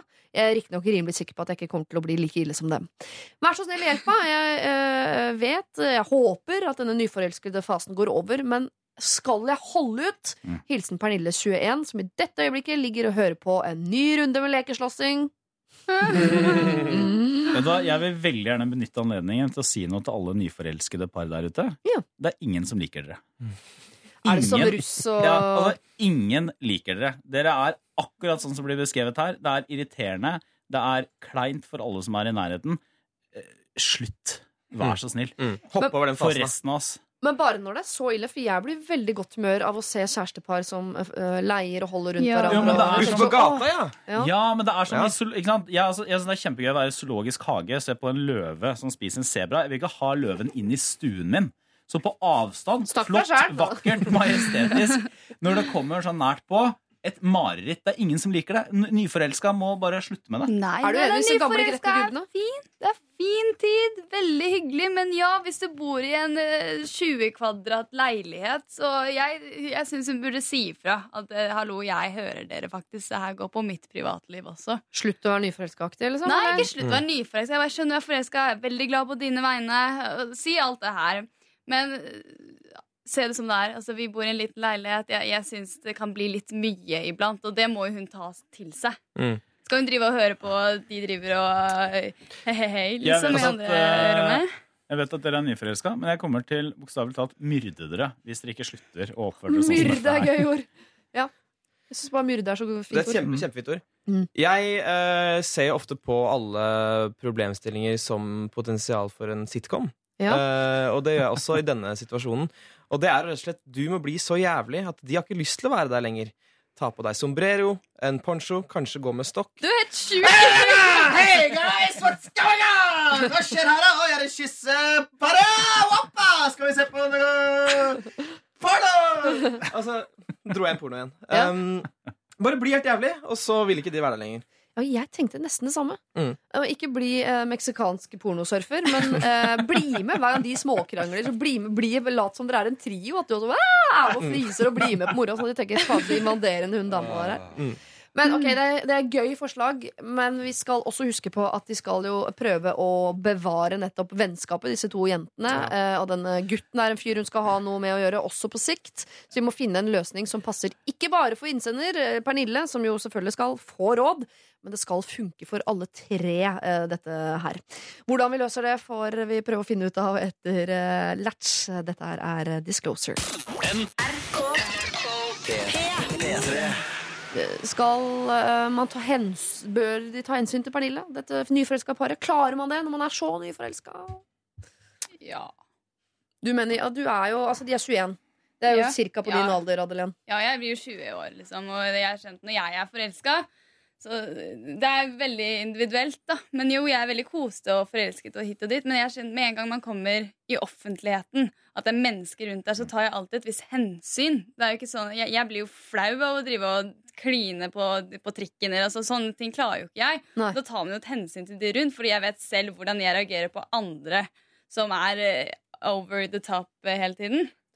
Så du ville tatt det hensynet også i denne bitte lille leiligheten hvis du bodde sammen med venninnen din? Spesielt i en bitte liten leilighet. Hadde jeg flyttet med min bestevenninne, begge var single, og så fikk jeg en kjæreste, så hadde jeg selvfølgelig ikke bare gnidd ting inn eller bare vært all over the place. Det er hensyn man tar. Det er liksom en vurdering og noe du kjenner inni deg. Men da er du en sånn type. Og en sånn type er tydeligvis ikke noen i dette paret. Fordi de har ikke tenkt tanken engang. De bare fniser og leker slåss og holder på foran øynene på Pernille hele tiden. Og så er det utrolig vanskelig Jeg var veldig streng i stad. Nå skal jeg være litt mer eh, alvorlig, da. Og det, eh, litt mer alvorlig. Um, Enda mer alvorlig enn streng. Enda mer alvorlig. Kjempebra. Nei, men altså, det er, poenget er at det som er med de som er nyforelska, det er at de er jo inne i en boble. Ikke sant? De har det, det er jo en helt fantastisk følelse, og de har lyst til å gi uttrykk for det.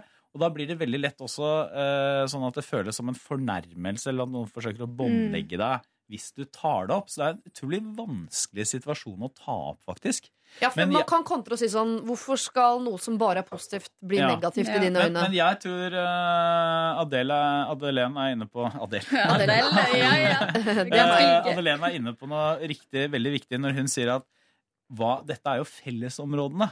Mm. Sånn at det egentlig ikke er noe angrep at de driver og oppfører seg som et nyforelska par, men at de gjør det hele tiden der hvor andre skal være også. I stua. I Mm. Trekk dere tilbake. Ja, For de har vel et eget rom, antagelig? De må det. Trekk tilbake. Ja. Mm. Men så, hva med leiligheten hans? Den, Ja. den, de må jo kunne dra dit også, tenker jeg. Ja, Det dukker alltid opp en favorittleilighet i sånne Ja, relasjoner. det gjør det, det. er en grunn til at de er i denne bitte lille leiligheten. Det er Mm. leiligheten hans styggere eller flere Ja, folk. eller Mm. det står at de er et fjortispar. Altså med andre ord, så det kan godt hende han bor hjemme hos foreldrene sine. Ja, for og skal konfirmeres eh, i år. han er 14, han faktisk. Det er litt stygt, da. Eh, ja, vi kan jo Men, gå men det ut fra jo i det er jo i realiteten bare to alternativer her. da Enten så kan man eh, bite det i seg og vente for at det går over på et eller annet punkt. Ikke nødvendigvis forholdet, men det går over sånn at man orker ikke all den lekeslåssinga hele tiden. og sånn Eller så kan man forsøke å ta det opp. Da er det jo med den risiko at det vil bli veldig dårlig stemning. Men start med noe positivt. Altså, det er jo din gode venninne. Start sånn der, Og jeg er veldig glad i å se deg sånn lykkelig. Jeg, jeg syns det er bra at du har blitt forelska. Jeg er glad på dine vegne. Men jeg blir så innmari kvalm når dere holder på sånn samtidig. Ja. Ja, hvis du sier det på en sånn passiv-aggressiv måte, så er det fint. Jeg blir så kvalm. Men Det er så jævlig! si det pedagogisk, Mm. tenker jeg. Alltid tenkt pedagogisk, selv om du syns det er bare øh, Må jeg drive og si ting rundt grøten, liksom. Men Ja. At det kommer frem på en bedre måte hos den andre personen. Hvis ikke som jeg sier, hvis du går direkte til den personen, så går den personen i forsvarsmekanisme, og da kommer man ingen sted. Da begynner man å skylde på hverandre. Ja, men hei og hå det, og det går ikke. Ja, for du, for, for jeg, jeg, tror du, jeg tror Adelena har rett igjen i at det, man må snakke med venninna.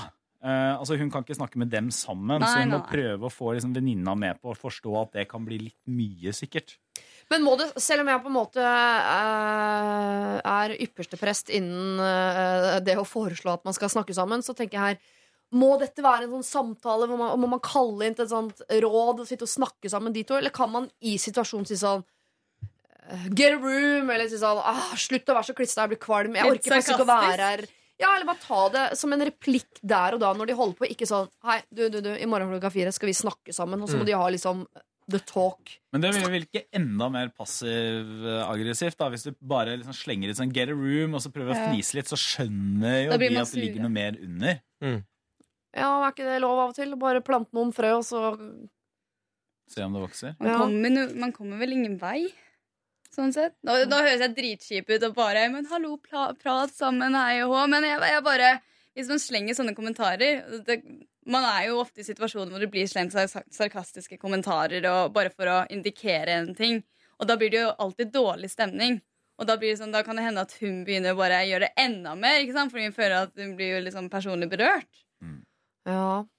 Bare for å irritere. Ja. Jeg bare tenkte at det kanskje fantes en løsning som ikke var den der eh, seriøse praten. For Jo, dette men- er jo et sorry, seriøst ass, Men det behøver ikke være så, så altså, alvorlig prat, da. Det er jo ikke noe sånn Det er jo ikke, altså, det er jo ikke sånn at hun behøver å gjøre det til en veldig stor sak. Nei. Det kan jo hende, De er jo sikkert alene av og til. altså Neste gang Mm. dere er alene og det byr seg en mulighet, bare nevn sånn Du, det har vært det er superkoselig at dere er forelska, kjempekoselig at dere er her. Jeg synes det er gøy å være sammen med dere også, men det blir av og til litt mye sånn eh, tulling og snising. Og da kanskje du kan si at da føler jeg meg litt utelatt, eller kanskje hun til og med kan ljuge lite grann. Og si at Mhm. du vet jo, jeg er jo singel, så det blir litt, Mm. eh, litt vel tøft å se på dere som Mm. er så nyforelska. Ja, men det er litt barnslig, da.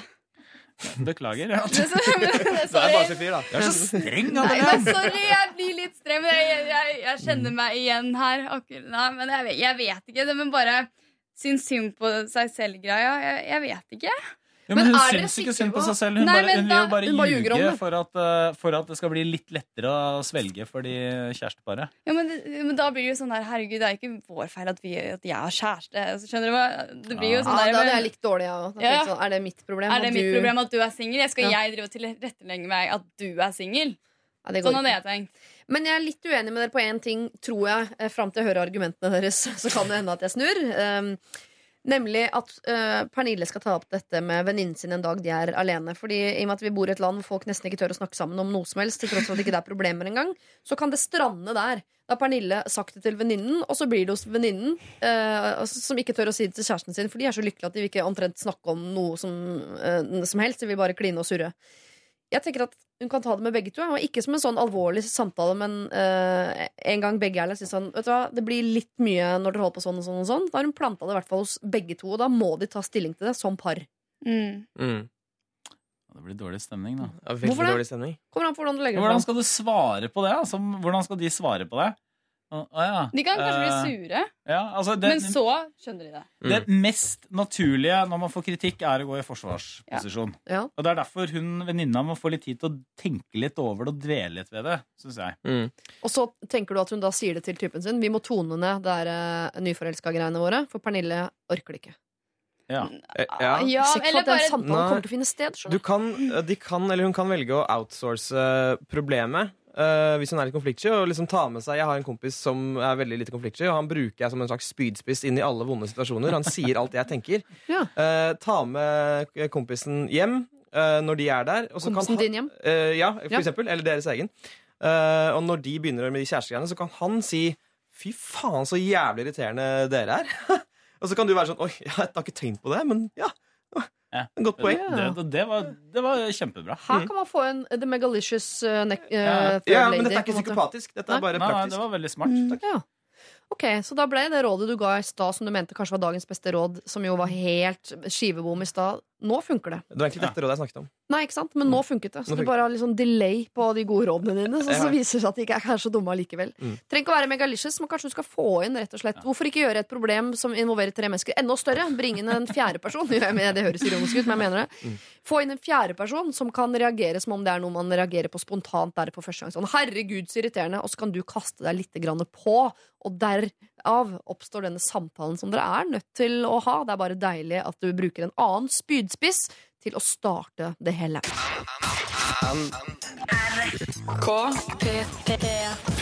P3. Aurora med sin Conqueror her på NRK P3, hvor vi sitter og skal ta tak i et eh, ringproblem. Eh, gutta om bord, altså Torbjørn Røe Isaksen og Hasse Hope, eh, har krysset fingrene for at vi skal redde eh, eller hjelpe Frodo nok en gang til å få levert eh, ringen i en vulkan. Eller Frode Hansen, som han heter i Norge. Men det er ikke Frode Hansen eh, som har bedt om hjelp til dette ringproblemet. Det er Janne22. Ja. okay. Adelén, du er også rådgiver her. Jeg håper at Ja. eh, du kan hjelpe Janne22, som jo da ikke er Frodo. På noen som helst måte. Yes. Jeg og kjæresten min gjorde nettopp slutt etter tre år sammen. Bruddet var så greit som det kan bli, og vi har ingen fæle følelser for hverandre. I hvert fall ikke noe mer enn normalt. Mitt problem er at den første julen vi var sammen, så fikk jeg en ring av han. Og denne ringen har jeg nå hatt med meg hver dag i tre år. Nå som det er slutt, skal jeg ta den av, eller er det innafor å fortsette å gå med den? Er det noe jeg bør spørre min tidligere kjæreste om, eller blir det rart å ta den av, men det er rart å ikke ha den på? Jeg håper dere kan hjelpe meg med dette dilemmaet. Hilsen Janne22. Altså, jeg tenker at det vi tar tak i her, er skal hun gå med ringen, eller skal hun ikke gå med ringen nå som det er slutt? Det er ikke en giftering eller forlovelsesring eller en the ikke ring. aktuelt å kaste den i en vulkan. Ikke aktuelt. Ja, så det kunne jo vært gøy, da. Mm. Ja. Dra til Island og kaste den i en vulkan. Ja. Mm. Syns jo det.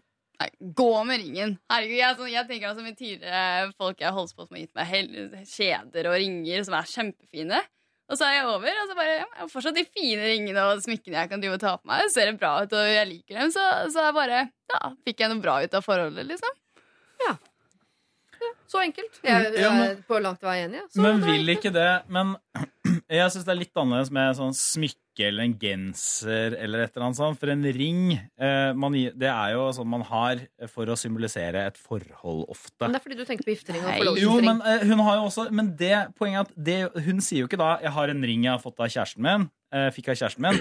Den har jeg brukt ganske ofte. Liker den, kan jeg fortsette å bruke den? Nei, hun sier 'Jeg tok den på da jeg fikk den'. Det var et symbol på forholdet vårt, åpenbart.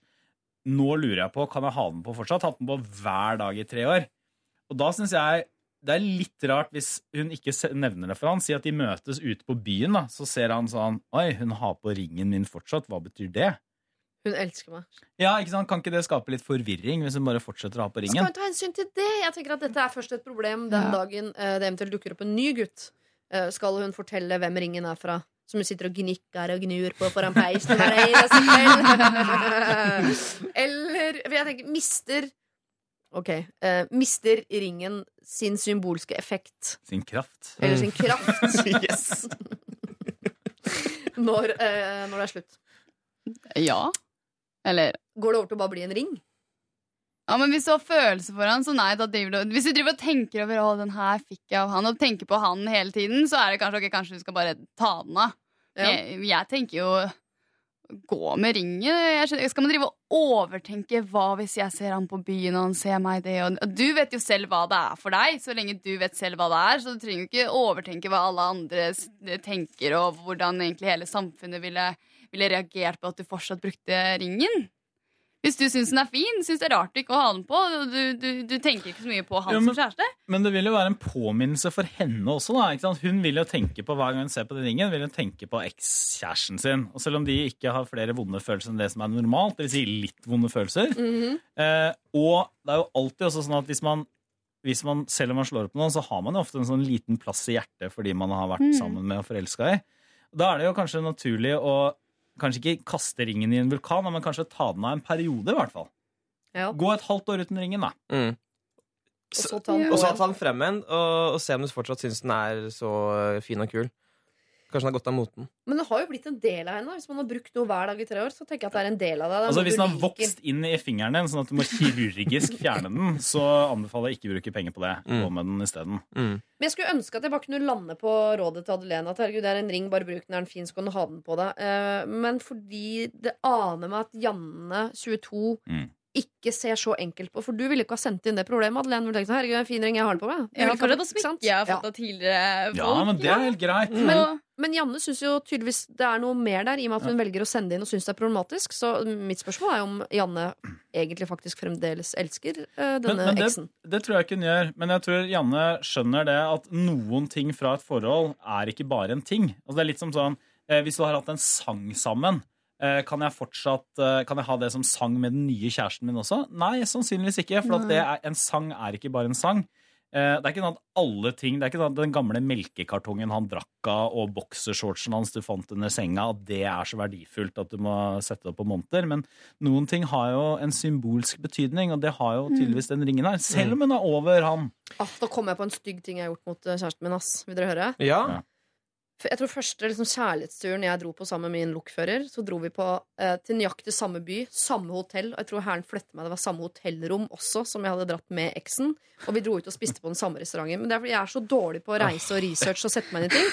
Så vi skulle gjøre noe, så bare copy-pasta jeg det jeg gjorde sist. Så dro jeg, gjorde jeg nøyaktig. Jeg hadde, jeg hadde to så godt som identiske helger med eks og ny kjæreste innenfor jeg tror jeg snakker om et, eh, innenfor samme halvår. Ja. Mm. og det har jeg aldri fortalt. Hei, aldri. Nei, du har ikke sagt Men nei, jeg har ikke sagt det. For at, uh, jeg, det, jeg tenkte jo ikke noe på det, selv om jeg tenker på det fortsatt. At det var, jeg kom på det nå at det kanskje var litt stygt. men det var vel hyggelig?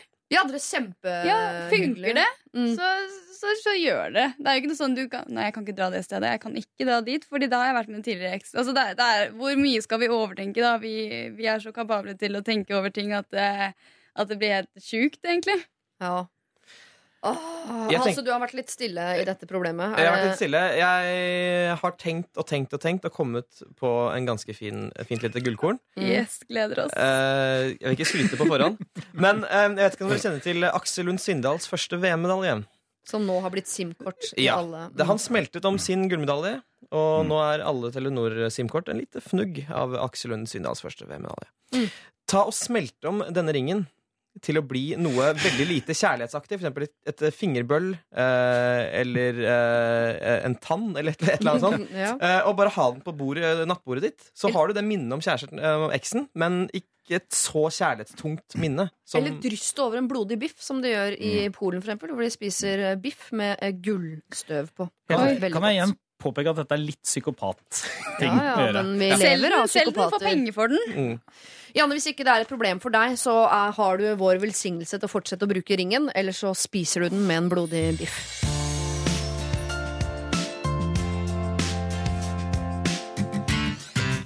Hei! Flytta inn i et jentekollektiv med en gryte av nasjonaliteter. Det er ikke problemet, bortsett fra en russer som bare er veldig russisk. Mitt problem. Jeg foretrekker mensenkopp den uka det banker på. Problemet er at denne koppen er jo til flerbruk, og for at dette skal, ikke skal være megaekkelt, jeg skjønner at det kan høres sånn ut, så må den kokes med jevne mellomrom. Kan jeg koke koppen på eh, felleskjøkkenet i fellessjelen i dette bokollektivet? Sapp ja nei-runde, folkens. Hva er, hva er dette? Jeg skjønner er ingenting! Mensenkopp er omtrent som. Hva, Hva er en sånn, Herregud, burde jeg visst dette? Uh, uh, tenk, Dere vet de man fyller ketsjup i på McDonald's? Ja. En slags sånn i plast som du putter oppi! Og så eh, fylles den med blod, så tømmer du den. i? Ja, så tømmer du den. Aldri hørt om det. Herregud, det her har jeg lest om. Er det faktisk folk som gjør det her? Ja. På denne siden av 1890? ja. Jeg tror ikke det fantes før. Selges det i butikker? Ja, sammen med blodigler. Mm. Og tryllestav. Eh, så det er små plastkopper du kjøper for Ja. å blø Men det ser vel mer ut som et pesar enn en sånn ketsjupkopp. Ja. Mm. Oh, Og så spør hun om Om hun kan koke den i, eh, fe på felleskjøkkenet i fellessjelen eh, i det kollektivet hun, hun bor i. Nei! Nei! Ok, Torbjørn, du vil ikke svare engang? Nei, jo, men jeg, jeg sier Altså, jeg skal være den rasjonelle her og si ja. Ok, Vi har to nei. Vi har ett ja om hvorvidt Eline skal koke sin mensenkopp eller ikke. Skal vi finne ut av uh, rett uh, etter at du har hørt Kakk Malefakka. Dette her er Yang Yu på P3. Kakk motherfucka, dette her eh, Young You har vi hørt på NRK eh, P3. Lørdagsrådet som holder på fram til klokken tolv. Vi er midt i et uh, mensekopp-problem. Mm. Uh, første gang jeg får inn problemer om mensenkopp her i Lørdagsrådet. og uh, vi reagerer jo som folk flest reagerer. Uh! Men, Som men kan jeg, ja. kan Men det er jo ikke si ekkelt. sånn Mensen for er det- ikke vi- ekkelt, vi blod er ikke ekkelt. Nei, for at vi Hasse har bedt om første ordet.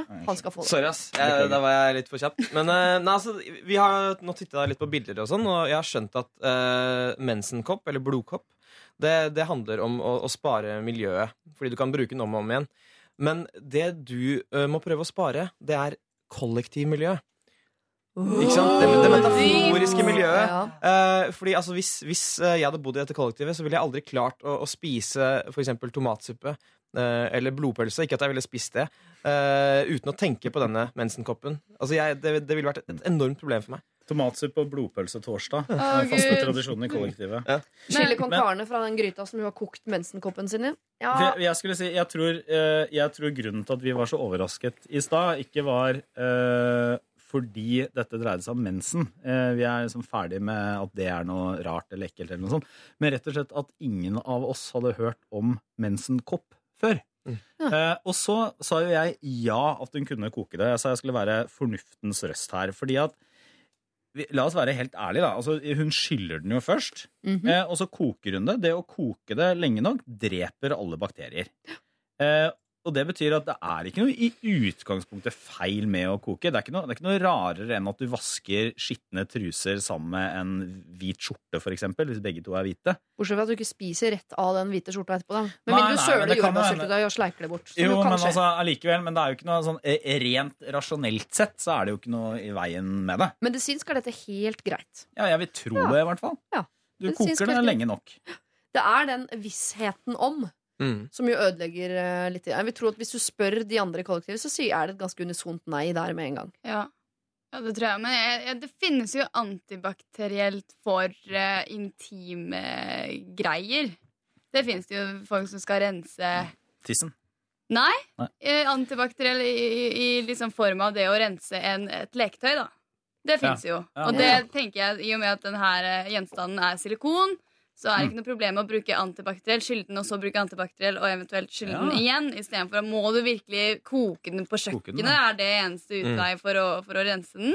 Henger de opp på sånn snor for til tørk og sånn? Kanskje ja. det er ikke flygende noe- ja. antibac Ja. er løsningen Ja. her. Men, det kan jo, men jeg, jeg tipper at dette er eh, altså Det kan jo være to årsaker til at man bruker sånn mensenkopp. Det ene er at det, det kan hende man liker det bedre, og det er mer praktisk f.eks. hvis man skal bade. eller noe sånt, forstår jeg. Men det andre Ja. kan jo hende at det har noe med miljø å gjøre. Altså eh, Mm. Tamponger og sånn bind og sånn er jo eh, miljøskadelig. Ja. Eh, og da kan det vel hende at man det å bruke sånn kjemikalier og sånn, at man ikke ønsker det. At det er noe sånt, kanskje. Som Jeg tenker helt, helt sånn privat Hvis jeg noen gang skal ønske mensen tilbake velkommen i mitt uh, liv uh, Man kan jo gå på prevensjon som gjør at man slipper det greiene der Så er dette løsningen for meg Mm. Ja. jeg, jeg, jeg, blir, jeg melder meg på mensenkopptoget dette, er min- dette er det jeg skal gå tilbake til Den dagen eh, hun får lov til å hilse på meg igjen Ja, det, det er jeg helt for. Jeg er helt for mensenskopp. Øh, Men det jeg ville gjort, er å gå på Claes Olsson, eller Klaseren, som vi gutta i gjengen kaller det. øh, og kjøp en primus og en veldig billig kjele. Ha den på rommet ditt. Kok den koppen så busta fyker. Men hvorfor prim... Altså, jeg er enig i egen sjele, men du må få lov til å sette sjelen på koke. Det, altså, Ja, mensen går ikke ut av sjelen ned på plata og så opp igjen i neste sjele. Det er som å spørre om du kan bli gravid av at jeg sæd på dosetet. Ja, men det er som du sa, det er den vissheten, det er den der øh, mentale greia. At Om at det, det er kokt på samme plate, det er jo veldig Det er det er veldig det er kanskje den ekstreme versjonen, men Ja. uh... Det er ekstremt. Nei, her, kjøp en kjele! Hvorfor Ja, tenkte vi ikke på det? kompromiss. Det er veldig bra. Jeg har tenkt på det hele tiden. Altså, Det er jo så enkelt. Kjøp, en, kjøp en kjele. Ja. Og så er det jo faktisk også Jeg tenker at vi skal være litt grann sånn progressive. Da. Kanskje hun bor i kollektiv med gutter Ja. eh, Mm. også. Og da kan jeg si på vegne av eh, de aller fleste gutter, menn i dette landet Vi har ikke vondt av å komme litt nærmere på mensen. Faktisk. Nei. Altså, og det er litt sånn eh, Vi har ikke vondt av å se en tampong som eh, en gang iblant.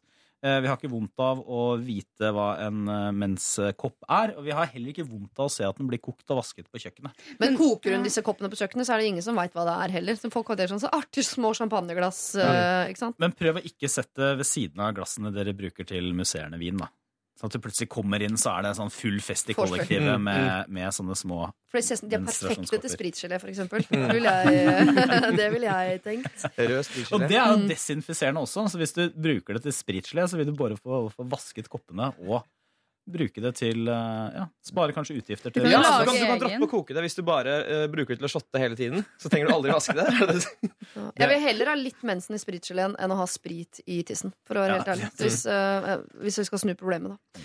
Nå fjåser vi det bort! Ja. Ja, ja. Men det, har det jo var kommet et med en ordentlig altså, Kjøp ei kjele. Helt enig. Kjøp Ja. en kjele. Ja, ja. Ikke Men skal, skal du koke det foran, foran folka i kollektivet? Nei, men kan vi, ikke, kan vi ikke være enige at hvis hun vil være Hvis hun mener at det er et poeng i seg selv, at hun ønsker å være litt åpen Man Mm. må jo ikke det. Men hvis hun mener at det er et poeng at også kollektivet skal få se at uh, guttene for eksempel, at hun har eh, menstruasjon, som de fleste jo har, så kjøper du en egen kjele. Ja. Og primus. Hvis ikke, så gjør du det på en annen På måte. telt, og så flytter du ut. Ikke- Ja, så er vi i gang. Kano og sånne ting. Eh, nei, eh, kjele er den praktiske løsningen på dette. Du skal selvfølgelig kjøpe en egen kjele, selv om eh, sånn medisinsk sett så har det ikke noe å si. Men ikke gidd, liksom. Bare kjøp en egen kjele, og hvis noen spør, lurer på hva du driver med, så får du se hvor komfortabel du er med å være hun som sørger for at eh, nettopp eh, menn i samfunnet kommer litt tettere på nettopp dette her med mensen. Altså kanskje folk slutter å reagere sånn som vi reagerte her i dag. Ja, beklager det. det, det. Jo, ja, men Det er sånn folk reagerer. Og hvis, Eline, hvis du har lyst til å stå på barrikadene og fjerne noe av det, så eh, applauderer jeg det. Men kjøp egen kjele. Dette er Amy Winehouse der med sin Rehab. Flott låt. Også en bra dokumentar ute om Amy Winehouse, eh, skjønner jeg, på Torbjørn Røe Isaksen og eh, Adelén. Dere har sett den og anbefaler den videre? Ja. Ja. Kjempebra. Du har ikke sett den, altså? Ikke sett den, men anbefaler den videre. Jeg gjør det samme. Eh, vi kan også anbefale folk å, å kjøpe sånn handlekurv. Jeg vet ikke om dere husker det problemet med en eh, jente som uh, har kjøpt seg handlekurv og lurte på om hun kunne handle rett i den i butikken. Eh, lagt ut bilde på Facebook, og folk elsker handlekurv. Eh, Mabel skriver at i Stockholm så er det fashion blant unge mennesker å bruke nettopp denne handlekurven, eller trillebagen som det vel heter. Andrea skriver når jeg bodde i Tyskland, hadde alle en sånn og brukte den både som handlekurv og handlepose, så det bør ikke være noe problem. Mens Freddy eh, har postet et bilde hvor det bare står nei, nei, nei, nei, nei, nei, Med at man bare er skeptisk til hele pakka. Jeg er nysgjerrig på hva folk ville sagt hvis vi la ut bilder av mensenkoppen. Jeg tipper at Freddy hadde sagt nei, nei, nei, nei, nei, nei. Andrea ville vel sagt at det var vanlig i Tyskland, og kanskje det er en trend i Stockholm, hva vet jeg. Men nå skal vi dele ut en annen type kopp. Eh, dessverre hadde det vært så gøy å dele ut en eh, trillebag full av mensenkopper, men det får bli en annen gang. En vanlig Lørdagsrådet-kopp til den eller de som har beveget dere mest i dag på en eller annen måte. Intellektuelt, følelsesmessig, irrasjonelt osv. Vil du begynne, Hasse? Uh, Vil du ha en oppdatering på hvem det pleier jeg å gi, nemlig? gjerne. Ja. Eh, vi startet med Kåt jente i nød, som lurte på om det var ok å ligge med en av Odins soldater. Vi gikk videre til Ulrikke, som er frenemy med Maja. Som flørter med Henrik, som er Ulrikkes beste venn. Hun er redd for å, miste han. Hva skal hun gjøre? Så har vi Maren, da, som skal på backpackingtur til Asia hvert øyeblikk. Med én som vil feste, og én som helst bare vil uh, lese bok. Nå, det er noe vi har funnet på, men hun vil ta det litt med ro. Så har vi Truls, som har funnet eh, sin egen svigermor på RedTube. Vi har eh, Pia, som er da pensjonisten med trillebagen, og som er redd for å bli sett på som tyv. Pernille bor i et bitte lite kollektiv hvor eh, det er et eh, ekstremt forelsket kjærestepar som driver og kliss klasser foran henne hele tiden. Vi har Janne, som prøver å bli kvitt The Ring. Og til slutt Eline her, som jo er innehaver av mensenkoppen, som hun ønsker å koke i kollektivet. Det er, det er veldig høyt nivå. Mm. Dessverre kan ikke alle vinne. Um, men altså, det er jo alle, Så fornøyd. Ja. Men alle er vinnere på sin måte. Alle, alle er vinnere på sin måte. Uh, men uh, altså RedTube-greia har alt. Og som jeg sa i stad, det er det perfekte utgangspunktet for en college-komedie fra uh, USA med hele American Pie-casten. Mm. Det er et, altså et perfekt uh, Lørdagsrådet-problem. Ja. Den får min stemme. Ja, Truls har én stemme. Ja, men jeg synes også, eh, jeg er enig i at det er, det er et veldig veldig bra problem. Men det skal jo også gjerne være noen problemer man kan relatere seg til for litt fler, tenker jeg. Og det å finne svigermoren sin på, uh, på en pornonettside er veldig snevert. Så Jeg syns egentlig uh, Kåt jente i nød, som da har funnet ut at den hun ligger med, er med i Odins soldater. Ja.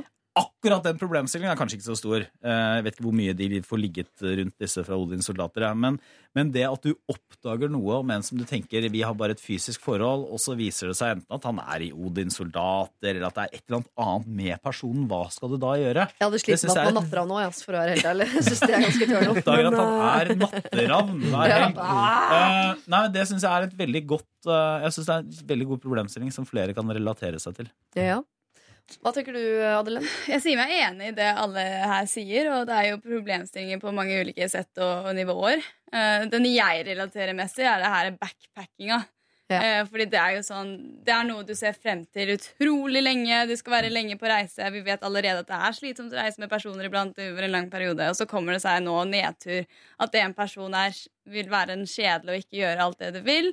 Så som for meg som er 19 år og, og, og vet eh, litt eh, følelsen på det, jeg, jeg kan relatere mer til at det er et problem. Hvordan man skal ta det med personen, hvordan man skal reagere, hvordan skal man være snill, skal man, skal man være litt sånn 'hallo, vi skal faktisk på reise'. Eh, Så akkurat det, det problemstillingen der syns jeg er For første gang er det altså tre kandidater. Vi står mellom uh, RedTube Porn, Odins soldater og backpackingtur til Asia.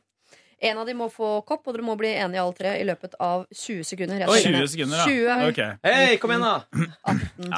Jeg er villig Altså, jeg er villig til uh, Jeg er villig til å la det Det er veldig irriterende når du sitter og teller ned. Utrolig vanskelig, men jeg er villig til å gå med uh, Hope sitt forslag her. Yes!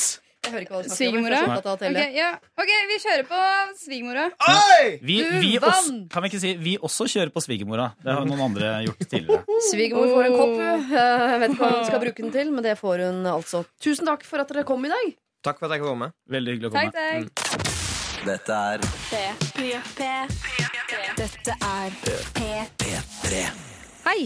Eh, bonusspor nummer to. Eh, tagning én. Lørdagsrådet. Nå har du sikkert hørt det alle, alle mine hjerner har hørt. Nemlig at jeg problematiserte tidlig i dag eh, denne grillfesten, hvor jeg selv ikke skal, men hvor initiativtaker ikke lenger kan komme fordi en annen har flyttet datoen på grillfesten, osv. Eh, initiativtaker har ikke hørt noe fra, men denne annen har hørt på eh, Lørdagsrådet live i dag og eh, sendt melding om at han eh, føler seg dum. Og da er jo alt eh, løst. Når jeg kan flytte eh, mine bekymringer over til at andre føler seg dumme, så er, så er det i, hvert fall for min del mye av problemet løst. Fordi problemet har flyttet seg fra meg og over til andre mennesker, og da er den varme, varme ballen i deres hender, og de må finne ut av hvordan de løser det, mens jeg kan sitte på sidelinjen og surfe! Eh, og så håper jeg selvfølgelig på toppen av det hele at det løser seg sånn at de må finne en tredje dato hvor også jeg kan komme. Men det, altså det, blir, bon det blir bare bonus. Men eh, når vi først nå er i et slags bonusland, så hvorfor ikke ønske seg en bonus eh, til? Det blir i så fall bonus nummer tre. Jeg orker ikke mer ha det. P3 Dette er Lørdagsrådet på P3. P3